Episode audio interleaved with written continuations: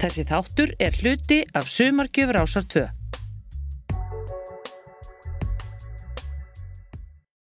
Góðan daginn ágætu landsmenn og velkomin að viðtækjunum Einröðn Jónsson heiti ég. Gleðilega þjóðháttíð Líðveldi Ísland fagnar í dag 75 ára afmæli sínu. Ég ætla að fylgja ykkur allt þar til kemur að hátegisfréttum þegar klukkan er 20 myndur gengin í eitt. Ég fæ til mín góða gesti. Hingað er eh, komin Guðan Valur Sigursson fyrirlið Karla landsleisins í handbólta og eftir kemur animist Þóri Stóttir CrossFit meistari mikill og svo frumfyrir litju við nýtt lag með bakkalúti hér rétt undir fréttir. En velkomin Guðan Valur, gleðilega þjóðatíð. Gleðilega þjóðatíð. Hvernig var, hvernig var 17. júni í, í æsku Guðansval Sigurssonar? Uh, svona, fyrsta sem kemur upp í, upp í hugan er, er uh, eðistorki. Það var bara alltaf tróðfyllt á eðistorkinu og, og maður var bara eins og flest allir aðri krakkar satt þar í fremstu röð og, og á eitthvað skemmt eða triði og, og svo bara ráfaði maður um nýsið það var eiginlega lítið hann að gera. Tína blöðrum og horfa þar fljúa til heimins Já, og já, horfa á krakkagræni við því að missa hiljum blöðrum þannig svona klassíkin e, Já, þú náttúrulega ert uppalinn á, á Seltjarnesi, þannig kemur eðistorkið e, byrjar í gróttu. Já náttúrulega þekkjum með handbóltaferilin, varst í einhverjum öðrum íþrótum líka?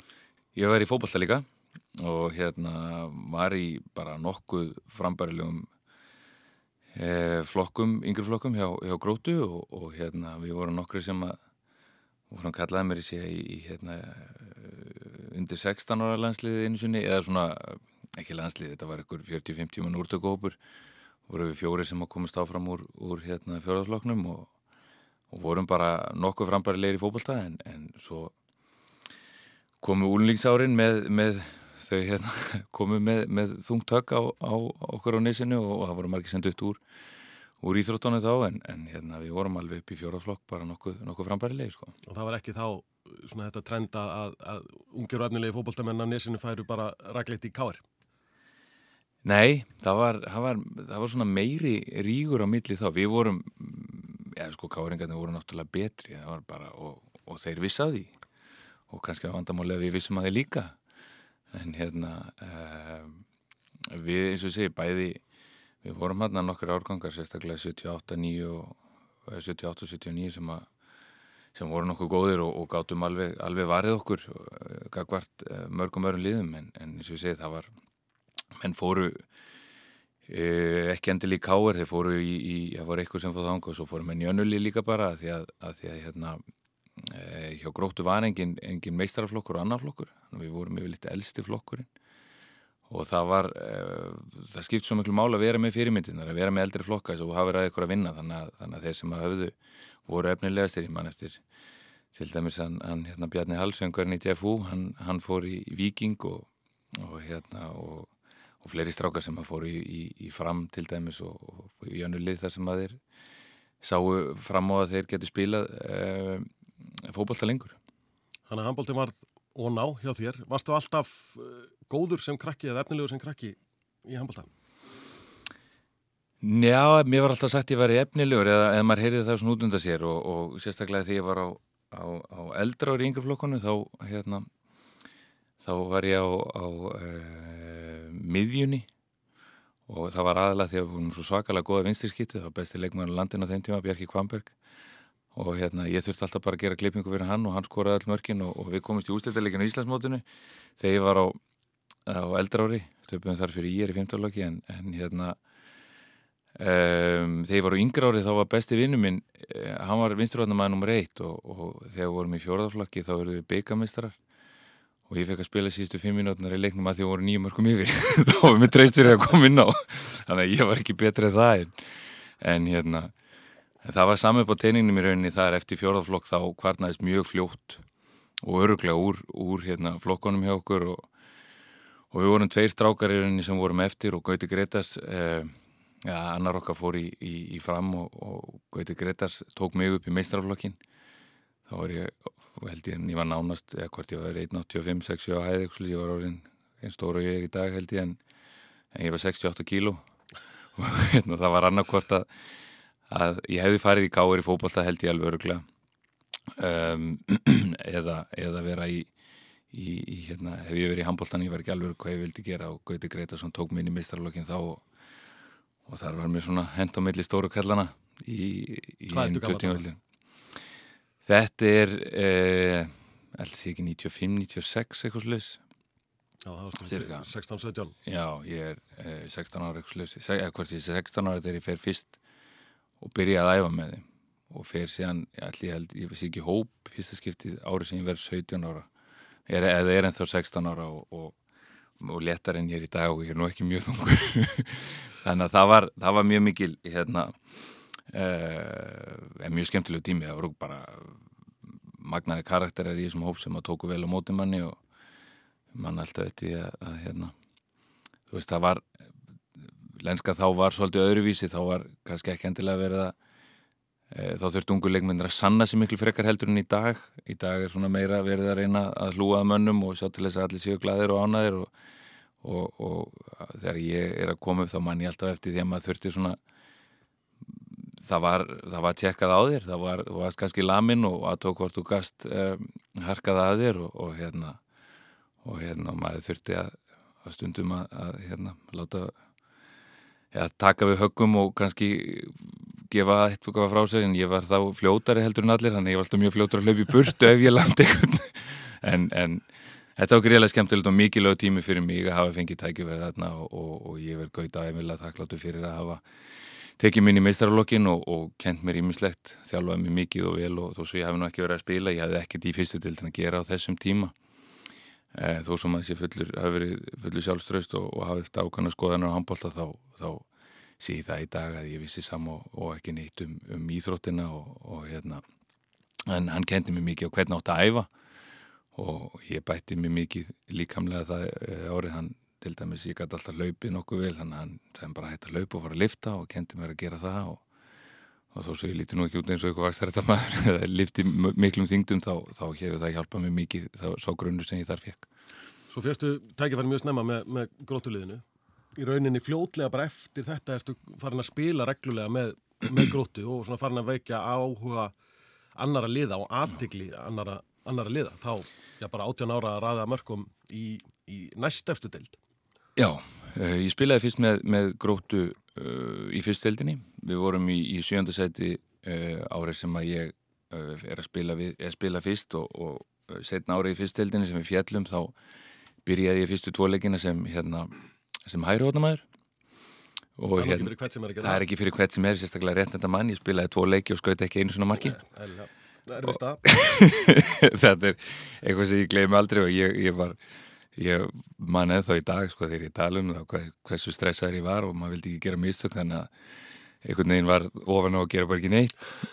Þannig að hérna en ég fekk að spila þó nokkuð það tjambilið og svo fjallu við og þá var spurning hvað maður ætlaði að gera og ég man að, að þá hefði ég möguleika að, hérna, að skipta um lið en, en þá er, er gróta samina, gróta og káir um, samina lið sín og, og, og hérna og við spilum í fyrstöldinni og hérna uh, það eru hörku margir góðir og, og, og efnilegir handbóltamenn í K.R. á þeim tíma sem að voru einu, tveimu, trömmur árum eldri en ég og uh, þeir SS að við spilum og, og komist upp í fyrstild fengum reynda markmann að Norðan Guðmund Arna Jónsson sem hafður Íslandsmistar með K.A. árin áður og hérna, hérna Reyðarlefi sem að segja var landsleinsmarkmaður hann kom á K.R. og var hérna með okkur líka og stóð sér frábælega og gaman að geta þess að Guðmundur Arnar er bróðir Guðuna liðstjóri á landslínu í dag hann einhvern veginn, hérna, hitti maður þess að kalla alltaf aftur og aftur eh, en um, bara ofsalega skemmtilegu tími, skemmtilegt ár og eins og segið þá fóð maður svona þess að vekja aðtegli og, og, hérna ég var að spila þá í, í vinstri skittum mér sé og hérna ég held að ég hef átt ábyggilega helmingskotalis þetta tímabili. En við komumst allavega upp. Og þá í svona fyrsta skipta á ferlinum finnst mér ég koma svona krosskotum og, og, og þarf að taka greiðarlega við ákvörðun og hvernig, hvernig hérna framaldið að verða. Og ákvörðinu var tekin að fara norður. Að fara til Akureyrar og, Af, af hverju Akureyri? Að vantalega verið í lið gerir í, á höfuborgarsvæðinu sem að voru eitthvað að sína áhuga líka. Já, uh, Guðmundur Guðmusson, landslýstjálfari, nú er endi, hann hérna, var að þjálfa fram á þeim tíma og, ég manna sko ég ætla er alveg upp á þeirri kynslu að, að, að sko, við vorum að horfa landslið og, og til dæmis að háa um 86 og, og, og olimpíuleikan 88 og svo framvegis og ég með sko Guðmundur Guðmundsson er að það er náttúrulega ekki, ég er ekki minnið GSM síma þarna þessum er þetta ná, maður er bara heima og, og Guðmundur Guðmundur ringir, ég líka við fekk bref sko og Guðmundur Guðmundur ringir og, og, og ég tala við hann og ég bara var alltaf komið borði og vist alveg ótrúleitt að hann hafi haft áhuga á manni og vildi fá mér fram. Og svo ringir allir Hilmarsson þjálfur að ká og ég er náttúrulega með þessa tvo kalla bara að ringja heim og, og jafnvel mamma eða fóstrið mín sem er að svara símanum og guða það er símyndiðin og maður er verið alveg svo kleina náttúrulega þegar þessi kallar er að ringja en, en um, ég hafi líka hérna uh, ég hef smá tengingu við Káa fóstrið mín er, er uh, flytur á Akureyri þegar hann er 16 ára og, og, og býr þar í þón okkur ár og fjölskylda hann, hans býr þar enn og og alltaf, þeirra, alltaf mjög oft þegar Káa var að spila hérna í borginni þegar, þegar Alfred Gíslason var, var þjálfari hjá þeim, spilandi þjálfari í lórin þjálfari í lokin, hann var alltaf svo mittur og teipaðir en, en hérna þá fórum við á leiki. Og hérna og hann og Ellingur Kristjánsson fósturinn minn og Ellingur Kristjánsson eru, eru frændur og, og hérna og ég elst svona upp við að fara reglulega á leiki. Já, svona káataug Já, í rauninni, þó svo ég sé æfa með grótu og komin í líð á þeim þá er ég að fara á káaleiki stundu með honum og og hérna, og mann þegar komin til dæmis eru grótu þegar ég spila fyrir skipta móti káa ég er þakka með að spila á móti Alfred Gíslasinum þannig að þá alltaf, var alltaf eitthvað taug í það og, og, og líka þannig bara að, að ég vissi um, í, þá ég þurfti að gera eitthvað annað.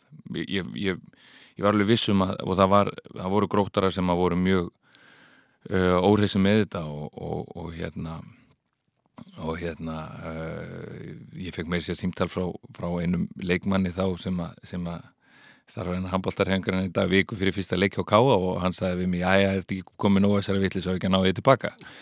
En jafn nervitt og þetta var þá hérna fannst mér ég þurfa að gera þetta og mér fannst ég þurfa að komast aðeins út úr svona þægindaramannum og og augra mér upp á nýtt. En það voru líka alls konar áskoranir sem að tóku við á, á, á Akureyri og, og hérna og það er eitthvað svona uh, þú veist að fara þánga í öðrum flokki og það var, þeir voru með mjög sterka yngir flokka uh, góði strákar sem voru, eru aldrei fyrir að æfa gríðanlega mikið og vel og, og, og ég er ofsalega gladur að hafa tekið þá ákverðin að hafa farið norður og kynst þeim og fengið að æfa með þeim að því að það veður bara segist þess að það var annar æfingakultúr í Káa og fyrir norðan þá heldur en var til dæmis hjá okkur og Seltjarnissi. Þú maður aðeins að eh, taka hlýðarskref út í tónlist sem er reyndar, þetta er eiginlega ekki hlýðarskref. Ég baði um að velja nokkur, nokkur lög, mm. íslenska sjálfsögð á, á 75 ára amali líðveldisins. Þú maður byrja á 200.000 naglbítum og hæði húsi.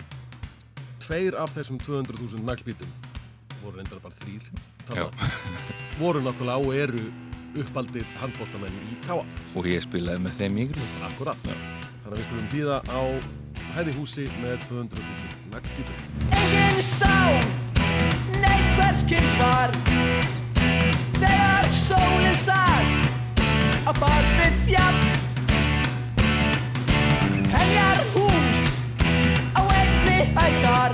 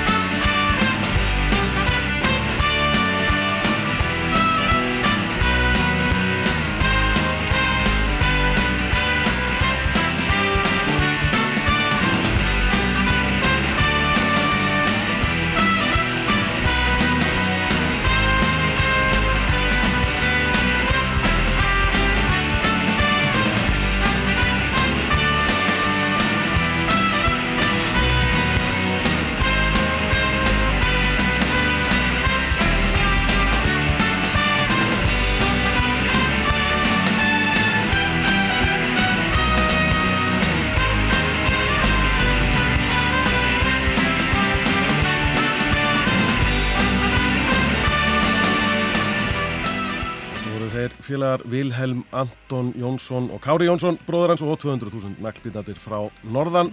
Ennur Jónsson heiti ég, hjá mig sittur Guðum Valur Sigursson, landslýsfyrirlið. Við erum komið þangað í ferlinum sem þú ert komin til þeirra Villa og, og Kára, norður á, á Akureyri og það var ja, bísna gjöfull tími. Þið voru með virkilega upplugt lið.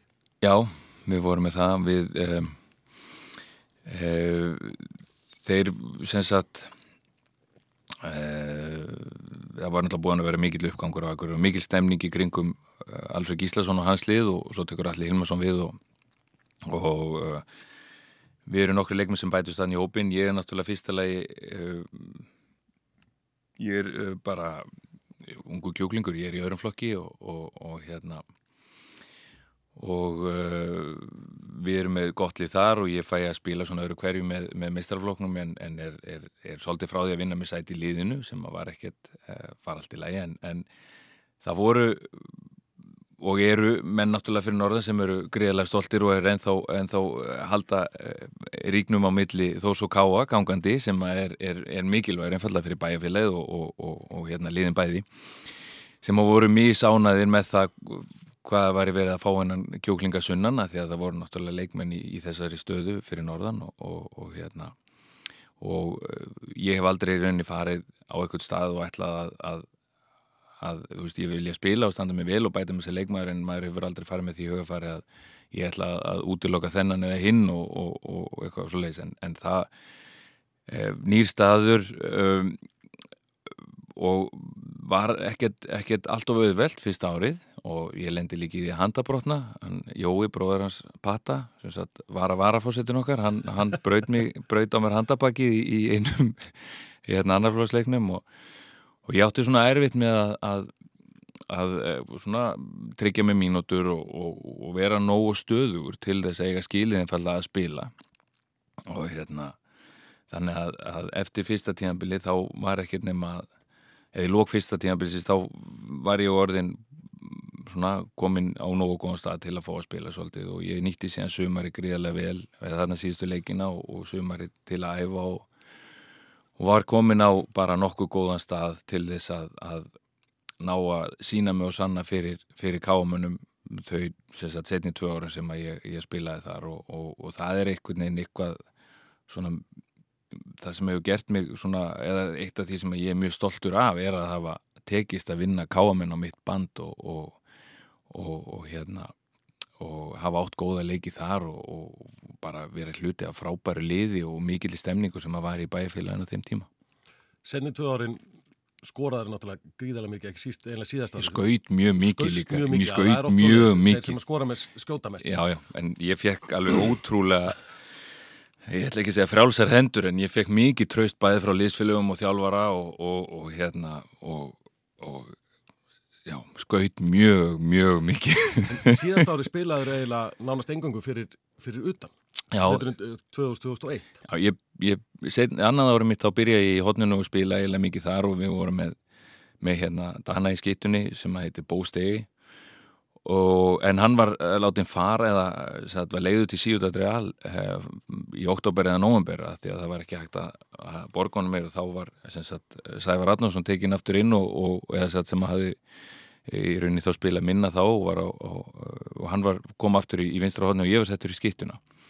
Og það gekk bara alveg, alveg þokkalega hjá okkur. Við vorum eiginlega svona svona svolítið ungir og, og alveg gjörvildir sko. Við sem bara við vissum ekkert endilega hvert við áttum að hlaupa. Við vissum bara við áttum að hlaupa og við hlupum út um allan völl og alla trissur og spilum hérna framlíkjandi vörn og, og, og, og að vera að gefa alla heilmasinni það að hann hérna þrátt fyrir öll skríkilum mistök sem við stundum gerðu þá var hann alveg magnaður í því að, að bara berja sjálfströst í okkur og hveti okkur áfram og svo var Átni Stefáns náttúrulega bara hann var eins og sko stundur ljónsetastjórnandi á, á, á hliðalinni og stjórnaði stemningun oft í húsinu bara og, og, og þessi tveir voru alveg, alveg magnaði fyrir okkur ungu strákana og, og það var alveg ótrúlega gaman að, að spila með þessu liði og það var einhvern veginn eh, maður manni ekkert, var ofta þegar maður hugsa náttúrulega tilbaka, maður mann kannski ekki eftir einhverjum mörgum místökum eða eitthvað svo leiðis en maður manni alltaf eftir stemningun og viljanum og svona einhvern veginn grettunni sem í liðinu var.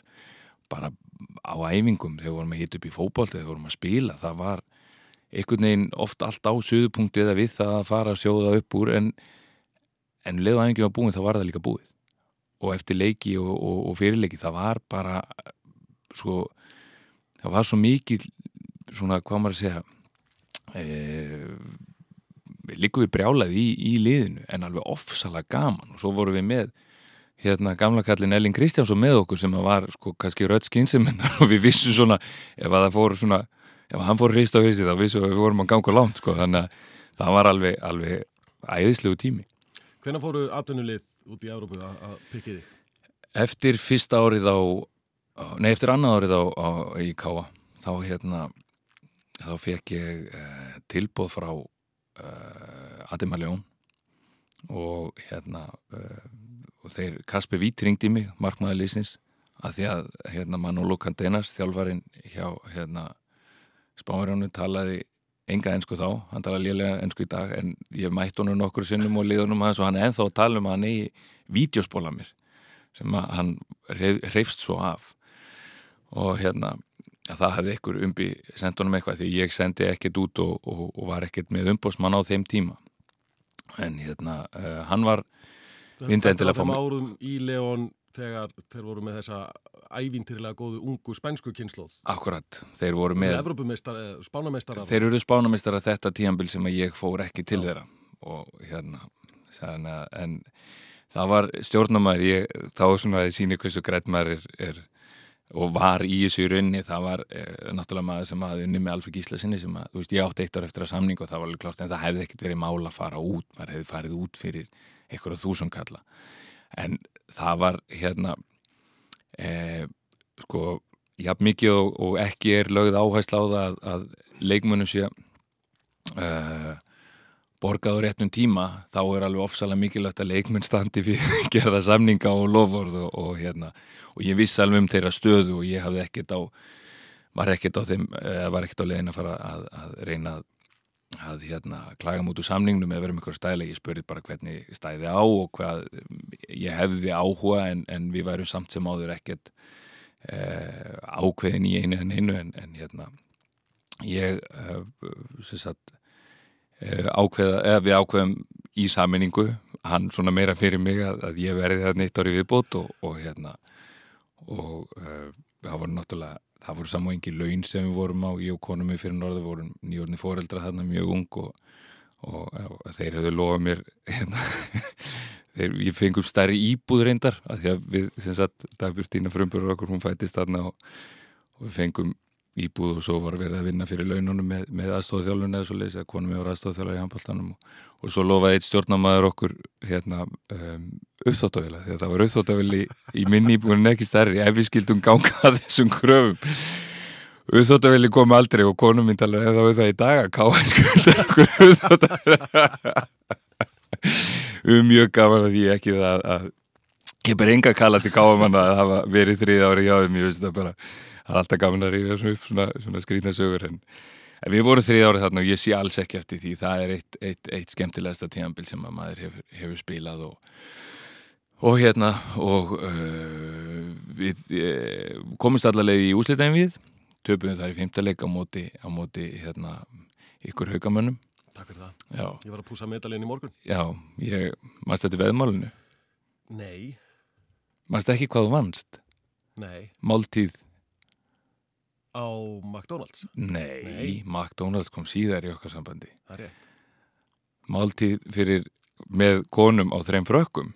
Það er rétt. Já, það er, ég veit það er alveg rétt Ég borgaði. Já, já, ég byrði hlustundur að afsaka hvað ég er orðin gleymi Svo Á meðan Guðamal er ennþá að spila þá er ég orðin gamall og gleymi Ég nefnilega, við, við lögðum það undir. Þið unnuð í leik 5 fyrir norðan. Uh, Mjög uh, bara verðskuldað og, og, og hérna það sem Áskir Raun Hallgrímsson kemur inn og spila Já, 16 ára þegar Haldur Ingersson með- með landslið. Já, Nei, nei, með- með. Haukum. stóð sig frábælega 16 ára gamalluna og, og hérna en, en það voru það, veist, það var svo gaman þú veist, svo margt í, í þessari úslitakefni og þessum tíma og, og höggi sem að ég fekk í andliti frá sem að þér var kent um Já, og þú kendir mér um, mér er sér líka Já, allt í leið. Eh, en ég sem sé, þessi kátími var, var frábær þegar maður lítið tilbaka og, og hérna og eh, bara, já, ég hugsa, ég hef alltaf, eh, það er alltaf, alltaf gott að hugsa, hugsa þákað og, og, og, mér finnst alltaf gaman að koma líka til Akureyrar og það er enþá myndir af, af einu marki sem skora þetta með þessum að hanga upp í káaheimilinu og bara frábært. En svo fórstu til SN Já. 2001. Já. Af hverju, af hverju valduru SN frekar en einhver, einhver fleiri eða önnur lið í, í Þýskalandi eða á meðlandinu? Um, fyrir það tíðanbíl var eiginlega, eiginlega bara Þýskaland. Það var ekkert í gangi, það var spá, en það voru við ekkert að, að leita mikið þangað. Þetta var mjög skrítið, það, það voru byrjað að ringja í mig. Uh, Alfred Gíslason hafði ringt í mig og sagðist vera með eitt lið uh, í gegnum einn umbósmann en það fóra eiginlega ekkert lengra uh, eða þú veist, við bara heyrðumst og svo, svo ringir annar leikmaður landslinsins í mig og, og segist vera með umbósmanninu sínum að hérna, og hann segist vera með eitthvað fyrir mig og ég vissi ekkert hver maðurinn var einu sinni. Og svo var um, sem sagt uh, Patrikur Jóhannesson ringir í mig og segir mér þú ert að koma til lesen og það var bara svipað eins og þú með þetta viðtal ég var að koma í viðtal til þín ég var ekkert spörður og ég hérna sagði bara ok og, og við fórum, eða það bara svona þróast aðeins, fórum að tala við á og það fer að, að, þá ringir í mig líka annar umbósmaður og segir hvers slags uh, karakter og, og vitlýsingur ég sé eiginlega, ég sé að vinna með þreymur umbósmönnum og ég kem alveg að fjöllum að því ég hafði ekki lofað einum með neinum neitt og ekki skrifað undir með neitt, neitt við neitt og, og þá voru þess að þrýr umbósmenn sem voru að bjóða mig á þess að nánast hafa að tala við mig. Og ég verði einhvern veginn svo stressaður og skrítin að, að, að ég vissi að Geir Sveinsson var að vinna með einu þýskum umbósmanni eða var að svona ekki vinna með, hafði að, að milligöngu við eitt tískan umbósmann sem hafði ágætis orðspor og, og, og er ennum minn umbósmæri í dag. Þannig ég ringi Eili Geir Sveinsson og ég spyr, herðu, má ég ekki bara hérna, ég langar bara að skrifa undir hjá þessum að því að hann hefur líka sambönd, góð sambönd og, og hérna uh, þá er ég bara laus við hitt vandamáli og Geir Sveinsson verður í rauninni minn tengilegur við hann til að byrja með því ég talaði enga þýsku og hérna og ég var bara ótrúlega ánaður og, og glaði með að hafa þá gengið bara frá því að, að, að vera komið með umbósmann og hafa eitthvað sem að sér um þetta fyrir manna því að þetta áða til að verða algjör, algjör frumskór og, og hérna. Og eftir að, að Patti var búin að ringja ég held að þetta verið í þriðaskiptið eitthvað í meiri úsletu kemni þegar vorum að spila við ykkur þá hérna var Uh, og hann var að vera pyrraðar á þessu að segja bara, heyrðu, þetta er bara, þetta er bara klárt. Bara, kontu bara hérna út og, og, og við bara gerum þetta. Bara eftir tíðanbilið, þá bara flýur ég hérna út og, og bara skoðar þetta og svo bara sjáum við hvað er. Og ég hérna, við samsinnist bara um það og hann eiginlega gengur frá því með umbúsmannum og ég flýg eftir úsleita kemna með konunum minni út. Og það er eitt bara svona besta múf sem að ég hef uh, nokkuð tíma lendi í þessum að Frankátustur SN tók á þeim, þeim tíma. Hann er svona, var svona á þeim tíma síðast að risaðilan í þessu svona einræðisherran sem að sá um allt og gerði allt í, í klubnum sko. Að okkur er flóið út á fyrsta farimi og, og, og hérna í gegnum Kaupmannahöfn og, og við erum bara með sæti 1A og 1B í Æslandiðvilinni og hérna komum út og hittum umbósmannin og hérna förum á skrifstofuna og það er bara strax lagði samningu fyrir framann þegar búið að sína manni hlutina og ég bara ætlaði að fara út og sko aðstæði held ég og Patti var eitthvað að reyna þýða þarna og var eitthvað svona að hrista að hann er bara svona og hinn segir nú eitthvað. Og, og, og hérna en það verður úr að við bara veist, vorum kannski ekki nefn með nýtt mikið annað en það var líka vóð þungt að, að hafa Patti aðná staðanum og náttúrulega gríðarlega vel liðin og reynslu mikill í, í SN og hérna hann og hans fjölskylda byggu aðna og Þannig að ég og konum ég segja að við höfum í rauninni enga tapa, við getum alltaf að fara aftur til Íslands og þannig að við endum með því að skrifa undir og, og, og, hérna, og allir rosa lánaði með það og svo erum við kerið út á flugöld og ég held við höfum verið í sætum 32 eitthvað á lendi bakka.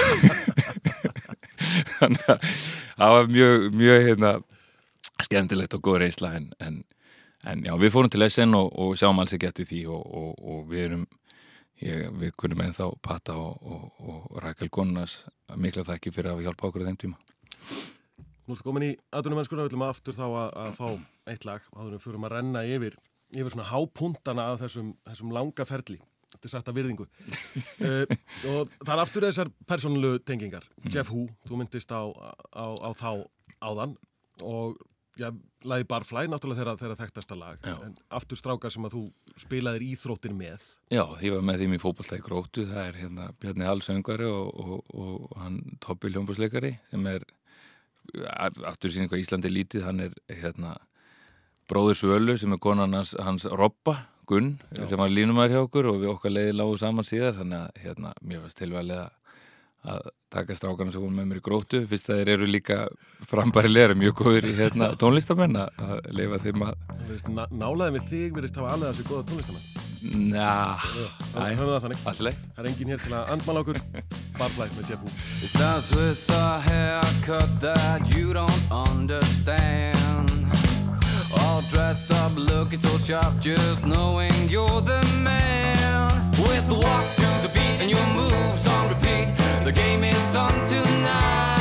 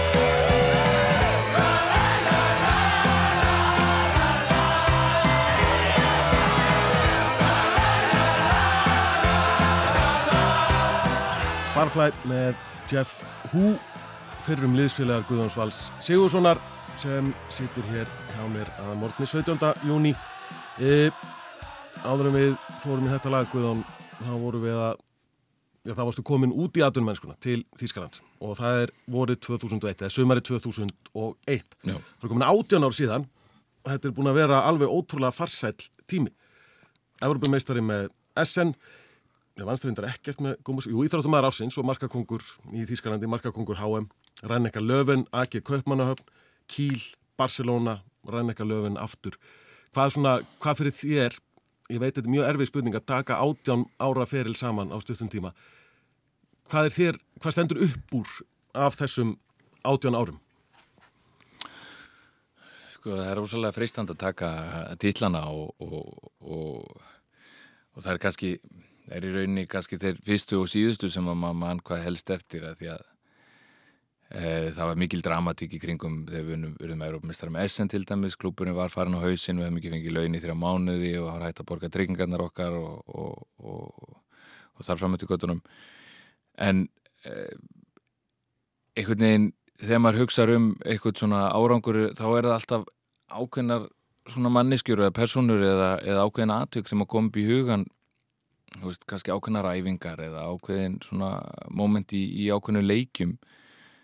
Og, og eins og þeir þú veist alltaf, ég veit að það er klísja en þú veist, það er í rauninni ferðalæð sem að, sem að er eftirminnilegast ég ég hef ótrúlega góðar og skemmtilega minningar með bara fjölskyldunum minni með, þú veist, konunum minn og börnum þess að ég er að horfa á myndir þess að við erum kannski með eitthvað byggar og maður mann eftir herðu við byggum þarna við kynntust þessum uh, til dæmis núna ég reyna eitthvað löfin að sjá són minn hlaupin á gólu eftir hvern einasta leik og segja pabbi þú hérna, skoraði svona mörg mörg en af hverju varst að klikka á vítinu og svo er hann hlaupin í burtu og sparkar í bóltaskil hún er alveg sama hvernig leikunni fór eða hvað gerðist eða hvernig manni líður bara að komast inn á vellin í fókbalta Þannig að það er einhvern veginn svona það sem að situr hvað mest í manni núna svona, ég segi þetta núna náttúrulega hverju vitaliði þegar maður fer yfir, þegar maður er í sin eigin jarðaför sko, þegar maður er að fara yfir þegar ég svo að lesa minningagrein eða hlusta á því að lesa minningagrein að, að hérna að það eru, þú veist eins og þegar þú ert að fara yfir laugin skilur, maður fær bara svona flashback, herðu, ég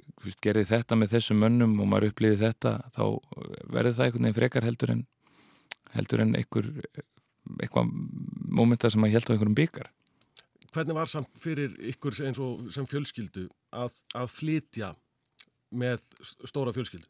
Þú ert náttúrulega í SNU fyrst að flytja innan Þýskaland mm. svo flyt, fer að flytja á milli landa líka, þetta er náttúrulega vantilega ekki verið þetta er meirinn bara að byrja að pakka í kassa og, og segja, eða drifum okkur. Já, það er í rauninni til SN var ekkert mál nema bara við þurftum að læra Þýsku og það gerist bara á núleitni og, og Dagbjörn Næristar dóttir okkar, hún bara var búin að læra þá nokkru mánuðum og, og Jónumarkett middóttir okkar, hún er fætt í SN og það var ekkert mál að flytja þá til rauninna því að hún er ennþá það lítil um, Og innan Tískaland var það ekkert þannig að það var smá þegar við fyrir frá Gúmesbakt í Kíl voru viðbriði fyrir börnina þegar voru komin í skóla og óttu uh, neðsett Gúmesbakt til, til Ræneka löfmenni, Ræneka löfmen til uh, sagt, og Dammörkur og þaðan til Kíl.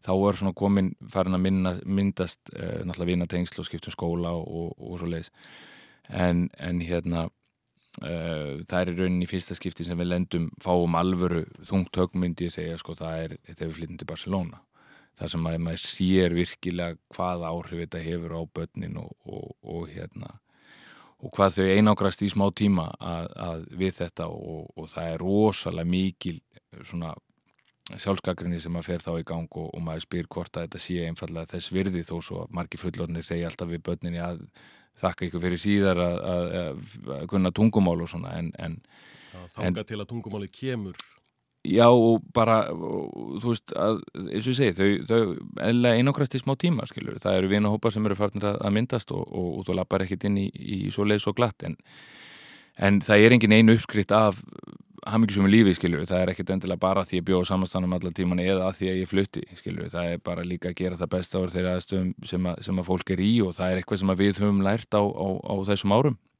Og hérna, þannig að hérna, ég er, er ótrúlega þakkláttu fyrir mína fjölskyldu og fyrir mína konu og börn og, og, og ég móna að börni mín getur fyrir að gefa mér allt þetta bröld og, og verði ána með þetta. Eh, sem sagt þegar þau eru orðin fóreldra sjálf. Varstu hissa þegar möguleikin á að koma til Barcelona kom upp? Það er ekki margir 35 ára leikmenn sem að fá tilbóð frá klubbi eins og Barcelona. Já, ég var það. Um, af því að ég við vorum mjög ánæði í kíl og við hefðum líklega verið áfram í kíl. Okkur stóð það til bóða en uh, það voru svona, svona ákveðnir uh, hlutir sem að, sem að voru ekki alveg kannski eins og maður eða sem að gerist á baku tjöldin að, og maður heyrði sem að fór svona aðeins í, í töðunar á mér. En, og það er eitt erfest sem ég gerði, það var að ringja í alferð þá en hann skildi mig alveg ótrúlega vel, var alveg, alveg svakalega Uh, skilningsríkur og, og, og spurði mig hvert ég væri að fara og hvað, eða þú veist og hvað væri í gangi í rauninni. Og ég sagði hann það bara og, og hérna og hann held þá og var alveg samfærður um að ég hef fengið tilbúið frá París. En ég sagði hann ég væri til, Barcelona og hann sagði já blessa verðum að þú verður að fara þá hann, sagði, hann er búin að segja við mig sko frá því hitt hann fyrst þegar hann var í Magdeburg og ég var í SN hann sagði þú verður að fara ekkert og búa spáni. Og ég sé ekki eftir því að hafa, hafa gert það og ég man alltaf með, alltaf með þetta bakveirun og þegar hann heyrða þessu þá sagði hann þú bara, þú fætti Barcelona, þú verður að gera það. Og það fyndi það því að hann var svo samfærum með París að ég fari færtu úr ég fari til Parísar en, bæði hann og, og hérna og eins og Óli Steff hefur líka satt með hann sagði ég hefði bara gott að því sem karakter að þú þekkja kannski líka ég áður til að fara svolítið á yfirsnúning og, og lenda að taka þó nokkra daga þar sem að ég bara sef lítið, mjög mjög lítið og vaknaði snemma og leysfélagi mínir, herbyggisfélagi mínir hafa þurft að þóla það að ég kannski vaknaður sex á mótnana og, komin á stað og farin að gera eitthvað og græja. Akkurat að, að hérna þess að þú verður að fara til spánar að, að hérna róa þig nýður og slaka á bara læra að gera eitthvað annað en að æfa og spila og, og fá þig steik og, og drekka rauðvin en ég gæti aldrei lært að drekka rauðvin en, hérna, en, en ég er ótrúlega ánægð með að hafa, hafa hérna, fengið að upplifa þetta og þennan gríðarlega stóra klubb líka. Þetta er fólk gerir sér eiginlega ekki grein fyrir því hversu mikið og stórt þetta er fyrir en þú, þú veist, hörðin er opnuð skilur fyrir þér og þú færið að stíga inn og þú finnur fyrir þú veist, eins og, eins og þeirra uh, slagurð er meskjum klúb eða þú veist, meira en, en, en klúbur, meira en, en íþróttafélag og, og, hérna, og það er svo sannlega þannig og það er mikið stoltan og það er bara þjóðastolti Katalans, eða að þjóðastolt Katalóni er eiginlega kristallat í þessum klúbi líka og það er mikill leiður að hafa fengið að, að fá að spila þarna og, og, og í því hlutverki líka sem ég var í Þar loksins kom Sigur í meistaradeldinni. Var búið að vera sæmilega löng byð. Já, það var búið að vera löng byggð, ég var búin að spila í mestaradeildin ábyggilega ykkur nýja tíu ár og, og hérna og uh, við vorum nálættum í Kíl árið áður töpuð við úslitum mestaradeildarinnar og ég hafði farið marg oft í Final Four og, og, og uh, ég er búin að fara með fjórum mismunandi liðum í Final Four en það er bara svo ótrúlega erfitt að vinna þennan, titil og, og það virðist verið eitthvað neginn eins og síðust ár hefur verið að, að eitthvað neginn liðin sem að þykja líklegust til að vinna, þau vinna ekki það er alveg bara, þegar maður horfir sem líka handbóltamæður að bara, þú veist, þessi, þeir hljóta vinna þetta en það bara er einhvern veginn alltaf sem að, sem að, að gemur eitthvað annað á daginn og, og, og henni að hafa unnið þetta með Barcelona og við unnum þetta nokkuð samfærandi vorum gríðarlega vel spilandi við vorum frábært lið og, og, og bara yfir allt tímanbili og einbyttingin sem að var í því liði allt árið var alveg mögnuð Nú ertu að fara þeim sett aftur í Nýtland. mm. Prófa Frakland í, í fyrsta skipti í Já. sumar. Eh, ég verða að spyrja það aftur. Varstu hissa þegar, að, þegar PSG kom inn í myndina af því að það er ekki bara fáir leikmenn sem að skrifað undir á, á þínum aldri. Ég held að það var bara enginn farið í svona stórt lið 39 ára og verður 40 ára að spila fyrsta leikin. Nei, ég saði samt við þá sko því náðu í buffon þegar hann var 40-41 og því ekki alveg ekki mig og líka þeir eru raunin að yngja upp sko því elsti leikmaður er að núna er Thierry Ómægir, hann er 42 ára. Já. taka mig fertugan sko, þú mátt ekki trappa þú að fratni sko, þú mátt að gera þetta. Alltaf að vera með einn á 50 aldri. ja, það, ja, ég veit það ekki en, en ég, já, það kom á óvart af því að það leiti ekki út fyrir að þetta væri að fara að gerast. Þeir ætluðu, fyrstu skilabóðum voru þeir ætluðu, þeir eru með tvo unga strákar sem að þeir ætluðu raunin að, að uh, satsa á en, en, en fyrst þeir gátu fengið einn svona gamlan með sem hefur kannski uh, smá reynslu og, og, og þú veist, ég er ekki ég er bara, þú veist, ég er í fínu standi. Ég hef það á sannleiki vetur að ég, ég get ennþá að spila handbólta og, og, og ég var tilbúin líka í það hlutverk þó svo að segja þú spilar tímyndur í dag eða hálftíma í dag eða, eða 60 mynda skiptir engum máli. Ég bara er gladur að fá tækifærið að fara í svona lið. Og hérna og það var ekkit flóki í samninga við hann það var bara, hérna, ertu til í að koma? Þá sagði ég bara já. Og það var ekkert einu sinni farið að tala um peninga en eitt ég var bara, ég ætlaði bara að fá þennan, þetta tækifæri. Ég er þeim þakklátur bæði leikmannum sem þar eru sem ég talaði við og þjálfarnum og, og frangátastjórunum bara fyrir tækifærið og, og ég bara já, stökk á tækifærinu leið og gafst og það var ekkert vorum ekki að leitast eftir neinu öðru eða tala við það var einhverjir möguleikar í Þýskalandi áfram en, en það bara fór aldrei ég hugsaði aldrei um það Hvað sér þið fyrir þér að spila lengi? Er á meðan er bara? ert Já, er á meðan er ég, sko, ég hef oft, ég hef oft hugsað þetta ég sko það, það, sumi segja, já, maður á að hætta á toppnum skilur og það er sorglegt að sjá íþróttamenn verða eitthvað hægari eða, eða verða lélegri eða eitthvað en þú sem íþróttamæður hugsaður í rauninni sko, veist, hver er toppurinn, hver er botnin veist, ef við, ef við, ef við tökum okkur Íslendinga sem dæmi um, við trúðum til dæmis alltaf 2008 að við myndum vinna og við ættum möguleika á því að vinna olimpíuleikana jafn asnalegt og það hljómar í rauninni í dag. 2012 líka, við vorum sannfærið um það að við myndum vinna olimpíuleikana af því að við höfðum farið í úslitaðleik 2008 og vinni bróns 2010 þá trúðu við því virkilega. En 2008 var í rauninni það mikilvægast fyrir okkur að hafa til dæmis Óla Stefánsin að leysa fyrir utan það hvað þessu frábær handbóltamæður hann er og, og eða var, fyrir ekki, hann er, ég veit ekki í dag, hann er ábygglega ennþá frábær, hann er alveg potið ennþá frábær. Þá skipti þessu miklu máli að hann hafði farið og unni svo margt og náð svo góðum árangri með Magdeburg og með Síotatrial og spila með svo góða leikmuna því að úst, við vorum allir góður í handbólta og höfum verið góður í handbólta lengi. En að sjá hann ná þessum árangri og uh, geta og gera það sem hann gerði og hans nálgun gagvar sportinu og bara, þú veist, verið kringum hann og hlusta á hann það skipti ótrúlega miklu máli fyrir okkur. En 2012 var það í rauninni minna mikilvægt fyrir hann að tala eða segja ykkur að hluti að því að við höfum verið þarna allir áður eða flestir okkar. Og það, þessi hluti skipta svo miklu máli. Þannig ég eins og hugsa um dag með, með handbóltan þú veist, toppurinn með landsliðinu var í rauninni olimpíuleikin 2008 hefði ég átt að hætta þá? Ég segi nei, ég hef ennþá ótrúlega gaman að þessu. Þá kem ég aftur að ég er svo þessum Óli segi þegar hann er hættur og þessum að Patti segir og þessum að Dagur segi líka. Ég er svo heppin að fá að fengja að spila með landsliðinu með þeim. Og flestir í þessi gömlu þjálfarar sem ég hef haft við talaðum með Alfreð að gumma líka skilju Alfreð saði við mig þú veist, gerði eins lengi og getur. Þú veist, meðan ég er ekki að þú veist, ég fæ ekki samningar náttúrulega meðan ég er bara annarlöpin en, en ég hef ennþá ótrúlega gaman að þessu. Veist, þetta er, er áhuga mál ég, ég fæ borga fyrir en þetta gefur bæði mér og líka alveg ótrúlega mörgum bæði Íslandingum og öðru fólki ég finn fyrir því mikla gleði bara að, að horfa á, kannski ekki léluguleikin að það kemur gaggrinni með því.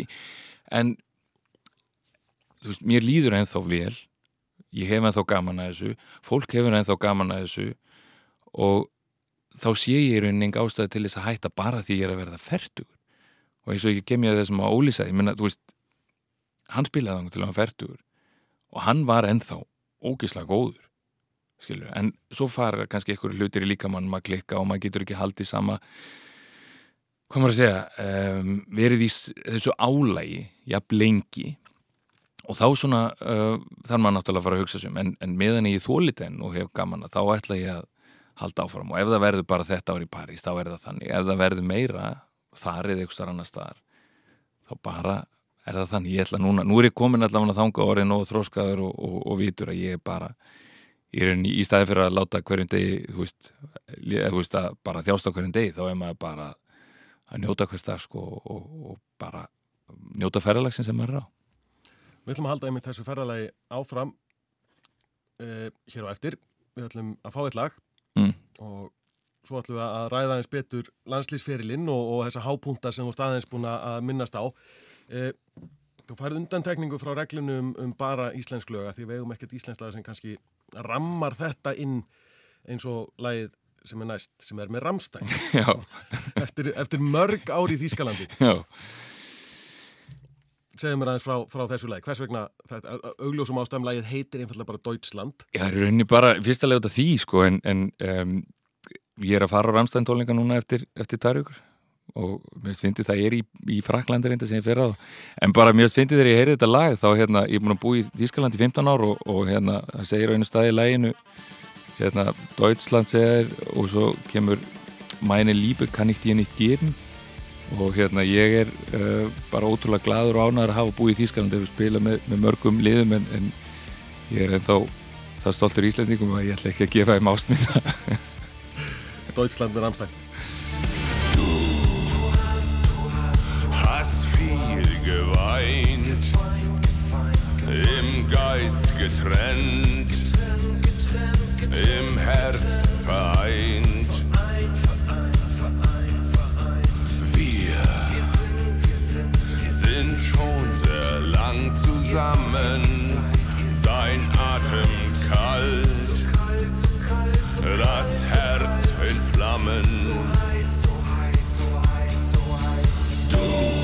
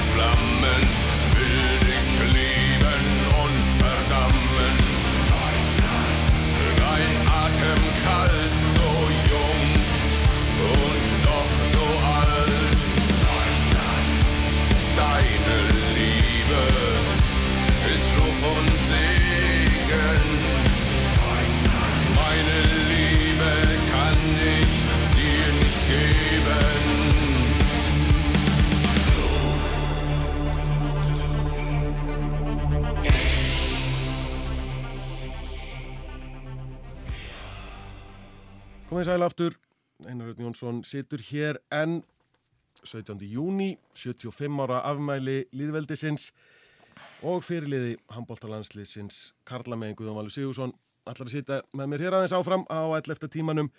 Nú ætlum við að ræða landsliði Guðjón Valur. Já, Við erum búin að fara vel yfir, yfir félagsliða fyrirlin sem er langur og landsliðsferillin ekki, ekki síður langur. Þú ert að detta í að ná að spila á fjórum áratugum. Ef við náðum spila á næsta ári, já. Þannig að spila næsta ári. Það er, það, það er sláandi. Það er eiginlega alveg svakalegt. Já, það er samt ekki 40 ár. Nei, nei, ég veit, ég, það er það sem ég hugsaði strax sko, en það eru bara, það verða bara 21 ár, en það er, já, eða 2. Já, Já, þú varst valin fyrst 1990 og já, spilaði fyrsta leiki 1999. Já. Þú varst hjá, hjá Káa. Já. Þá sem valin sem hotnamaður þú var í rauninni fann að færa þig í skittuna fyrir norðan. Já, er, við vorum, það var, uh, ég fór í fyrstu ferðina uh, til Makedóníu í september, uh, held ég að verið águst-september 99, spilaði ekki þá, þá var ég bara upp í stúku og spilaði fyrstu leikina í desember á móti í Hollandi held ég að það hefði verið. Já, þetta var svona árlegt hjá liðinu í nokkur ára að fara Já, með, í Á þetta sem mót. spilaði á Íslandi Já. og þeir sem voru, atverðmenn sem voru í fríi. og þannig að Þorbjörn Jensson, Þorbjörn Jensson og Boris Akbartsev var, var aðstofþjálari. og Hann sk- kallaði hann alltaf Gurjón Bljett. já, Hann gæti ekki sagt Guðjón eða Guðjón eða Goggi eða Gauji, hann sagði bara Gurjón. Og ég hafði mjög gaman af, en það var frábær þjálfari, maður gæti alveg fyrir ekki að hann geti ekki búið frá nafnið. og fyrsta stórmóti kom eiginlega bara strax. Fyrsta stórmóti kom, já, uh, í janúar 2000 í Krótju og um, við eruðum, það voru bara 12 þjóðu sem tóku þátt. Um, ég kom inn á, var ekki í hópi fyrstu tveimileikjónum, kom ég inn í hópi í, í þriðarleika því að uh, það voru þrý leikir og þrejum dögum og Gustaf Bjarnason sem var í vinstra hóttunni þá um, hann var einfalda bara alveg búin á því, eðlilega, búin að spila mikið og, og standa sér vel og ég fekk að spila síðustu tíminn þegar ég leika á móti Rústlandi og einu skilabóðin sem ég fekk þegar ég fór inn á frá Tópa Jens að, að hæruvotnumæður þeirra, hann mætti ekki skora markur hraðblöfi en það var hann frægur hraðblöfsmaður þannig að ég fór bara í gamla grótupakkan og, og ég fór ekkert eins og nýri í hotn ég eiginlega bara svona, var eins og frímerki honum. Ég var bara minnst að náhuga að fá boltan ég bara mitt hlutverk var að hann nætti ekki að skora mark. En það hefði það verið ég eiginlega var eiginlega ég var bara, ég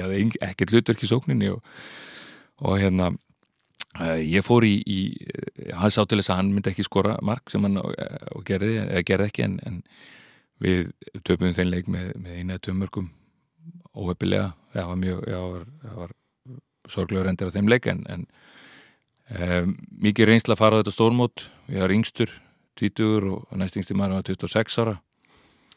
Um, ég var, já maður var svona manni leið svona, maður var svolítið út úr ég, það var ekki þú veist ég bara þekkti þá ekki mikið og þeir ekki mig og, og, og hérna og það var reyndar tekin einn lýsið það hversu, hversu patti getur verið kvikindslegu stundum. Ég, bara frábær vinnur ég sko elska mannin en hann, ég kom, ég spilaði leikum út í Slóveni, ég skoraði fimm mörk í leik sem við töpuðum og blaðamari reyndi að veiða mig í gaggrinni á hérna, Patta Dag eða Óla eða Toppa Jens þjálfara og, og, og segir að þetta sé alls ekki nóg gott að líkil menn sé ekki spila nóg vel og, og, og að það sé ykkur ungu strákur sem að koma að skori fimm mörk og og hvort að líkil menn þurfi ekki að gera hitt og þetta og, og, og hvort að þjálfarin hafi verið að, ég man ekki hvernig það var nákvæmlega en ég, mér leið bara eins og herru ég er í vandræðum. Og ég fór að segja náttúrulega þeir eru náttúrulega, að- það er náttúrulega þeim að þakka við síðum á staðnum og þeir eru bestu leikmenn liðsins og kannski eðlilega fá líkil leikmennir um, aðal eða mestu gaggrinna, það er bara þannig maður fylgir því en, en, en það er ekki var ekki mitt að, að gaggrina því að þeir náttúrulega vita, góði leikmenn vita þegar þeir spila vel eða spila illa og, og það var ekki mitt að gaggrina hérna, landslýstjálfuran sem, sem að valdi mig og gaf mig tækifæri að komast til landslýði sem að ég hugsaði þegar ég hugsaði tilbaka átti ég að þeir hefur skilið en, en þeir sá eitthvað í mér og ég er þeim ótrúlega þakkláttu fyrir þetta tækifæri.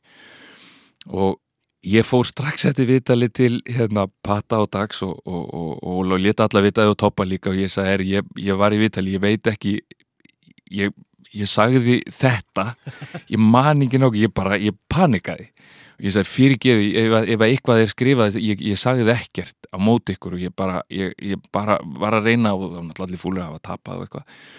Og ég, ég fer í, í bara upp á hótel, ég er ennþá titrandi sko, ég bara, að því að ég hafði engan í liðinu það var ekki vinu mín eða félagi eitthvað sem ég engan bara fara að tala við.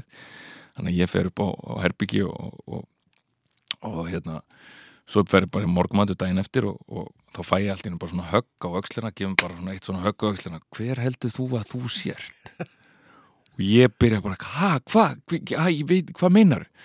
Þá er það patti sem að stendur heldur þú bara því að þú skorir eitthvað fimmörk að þú sért orðin aðal kallin í landsliðinu? Eða?" og ég nötraði.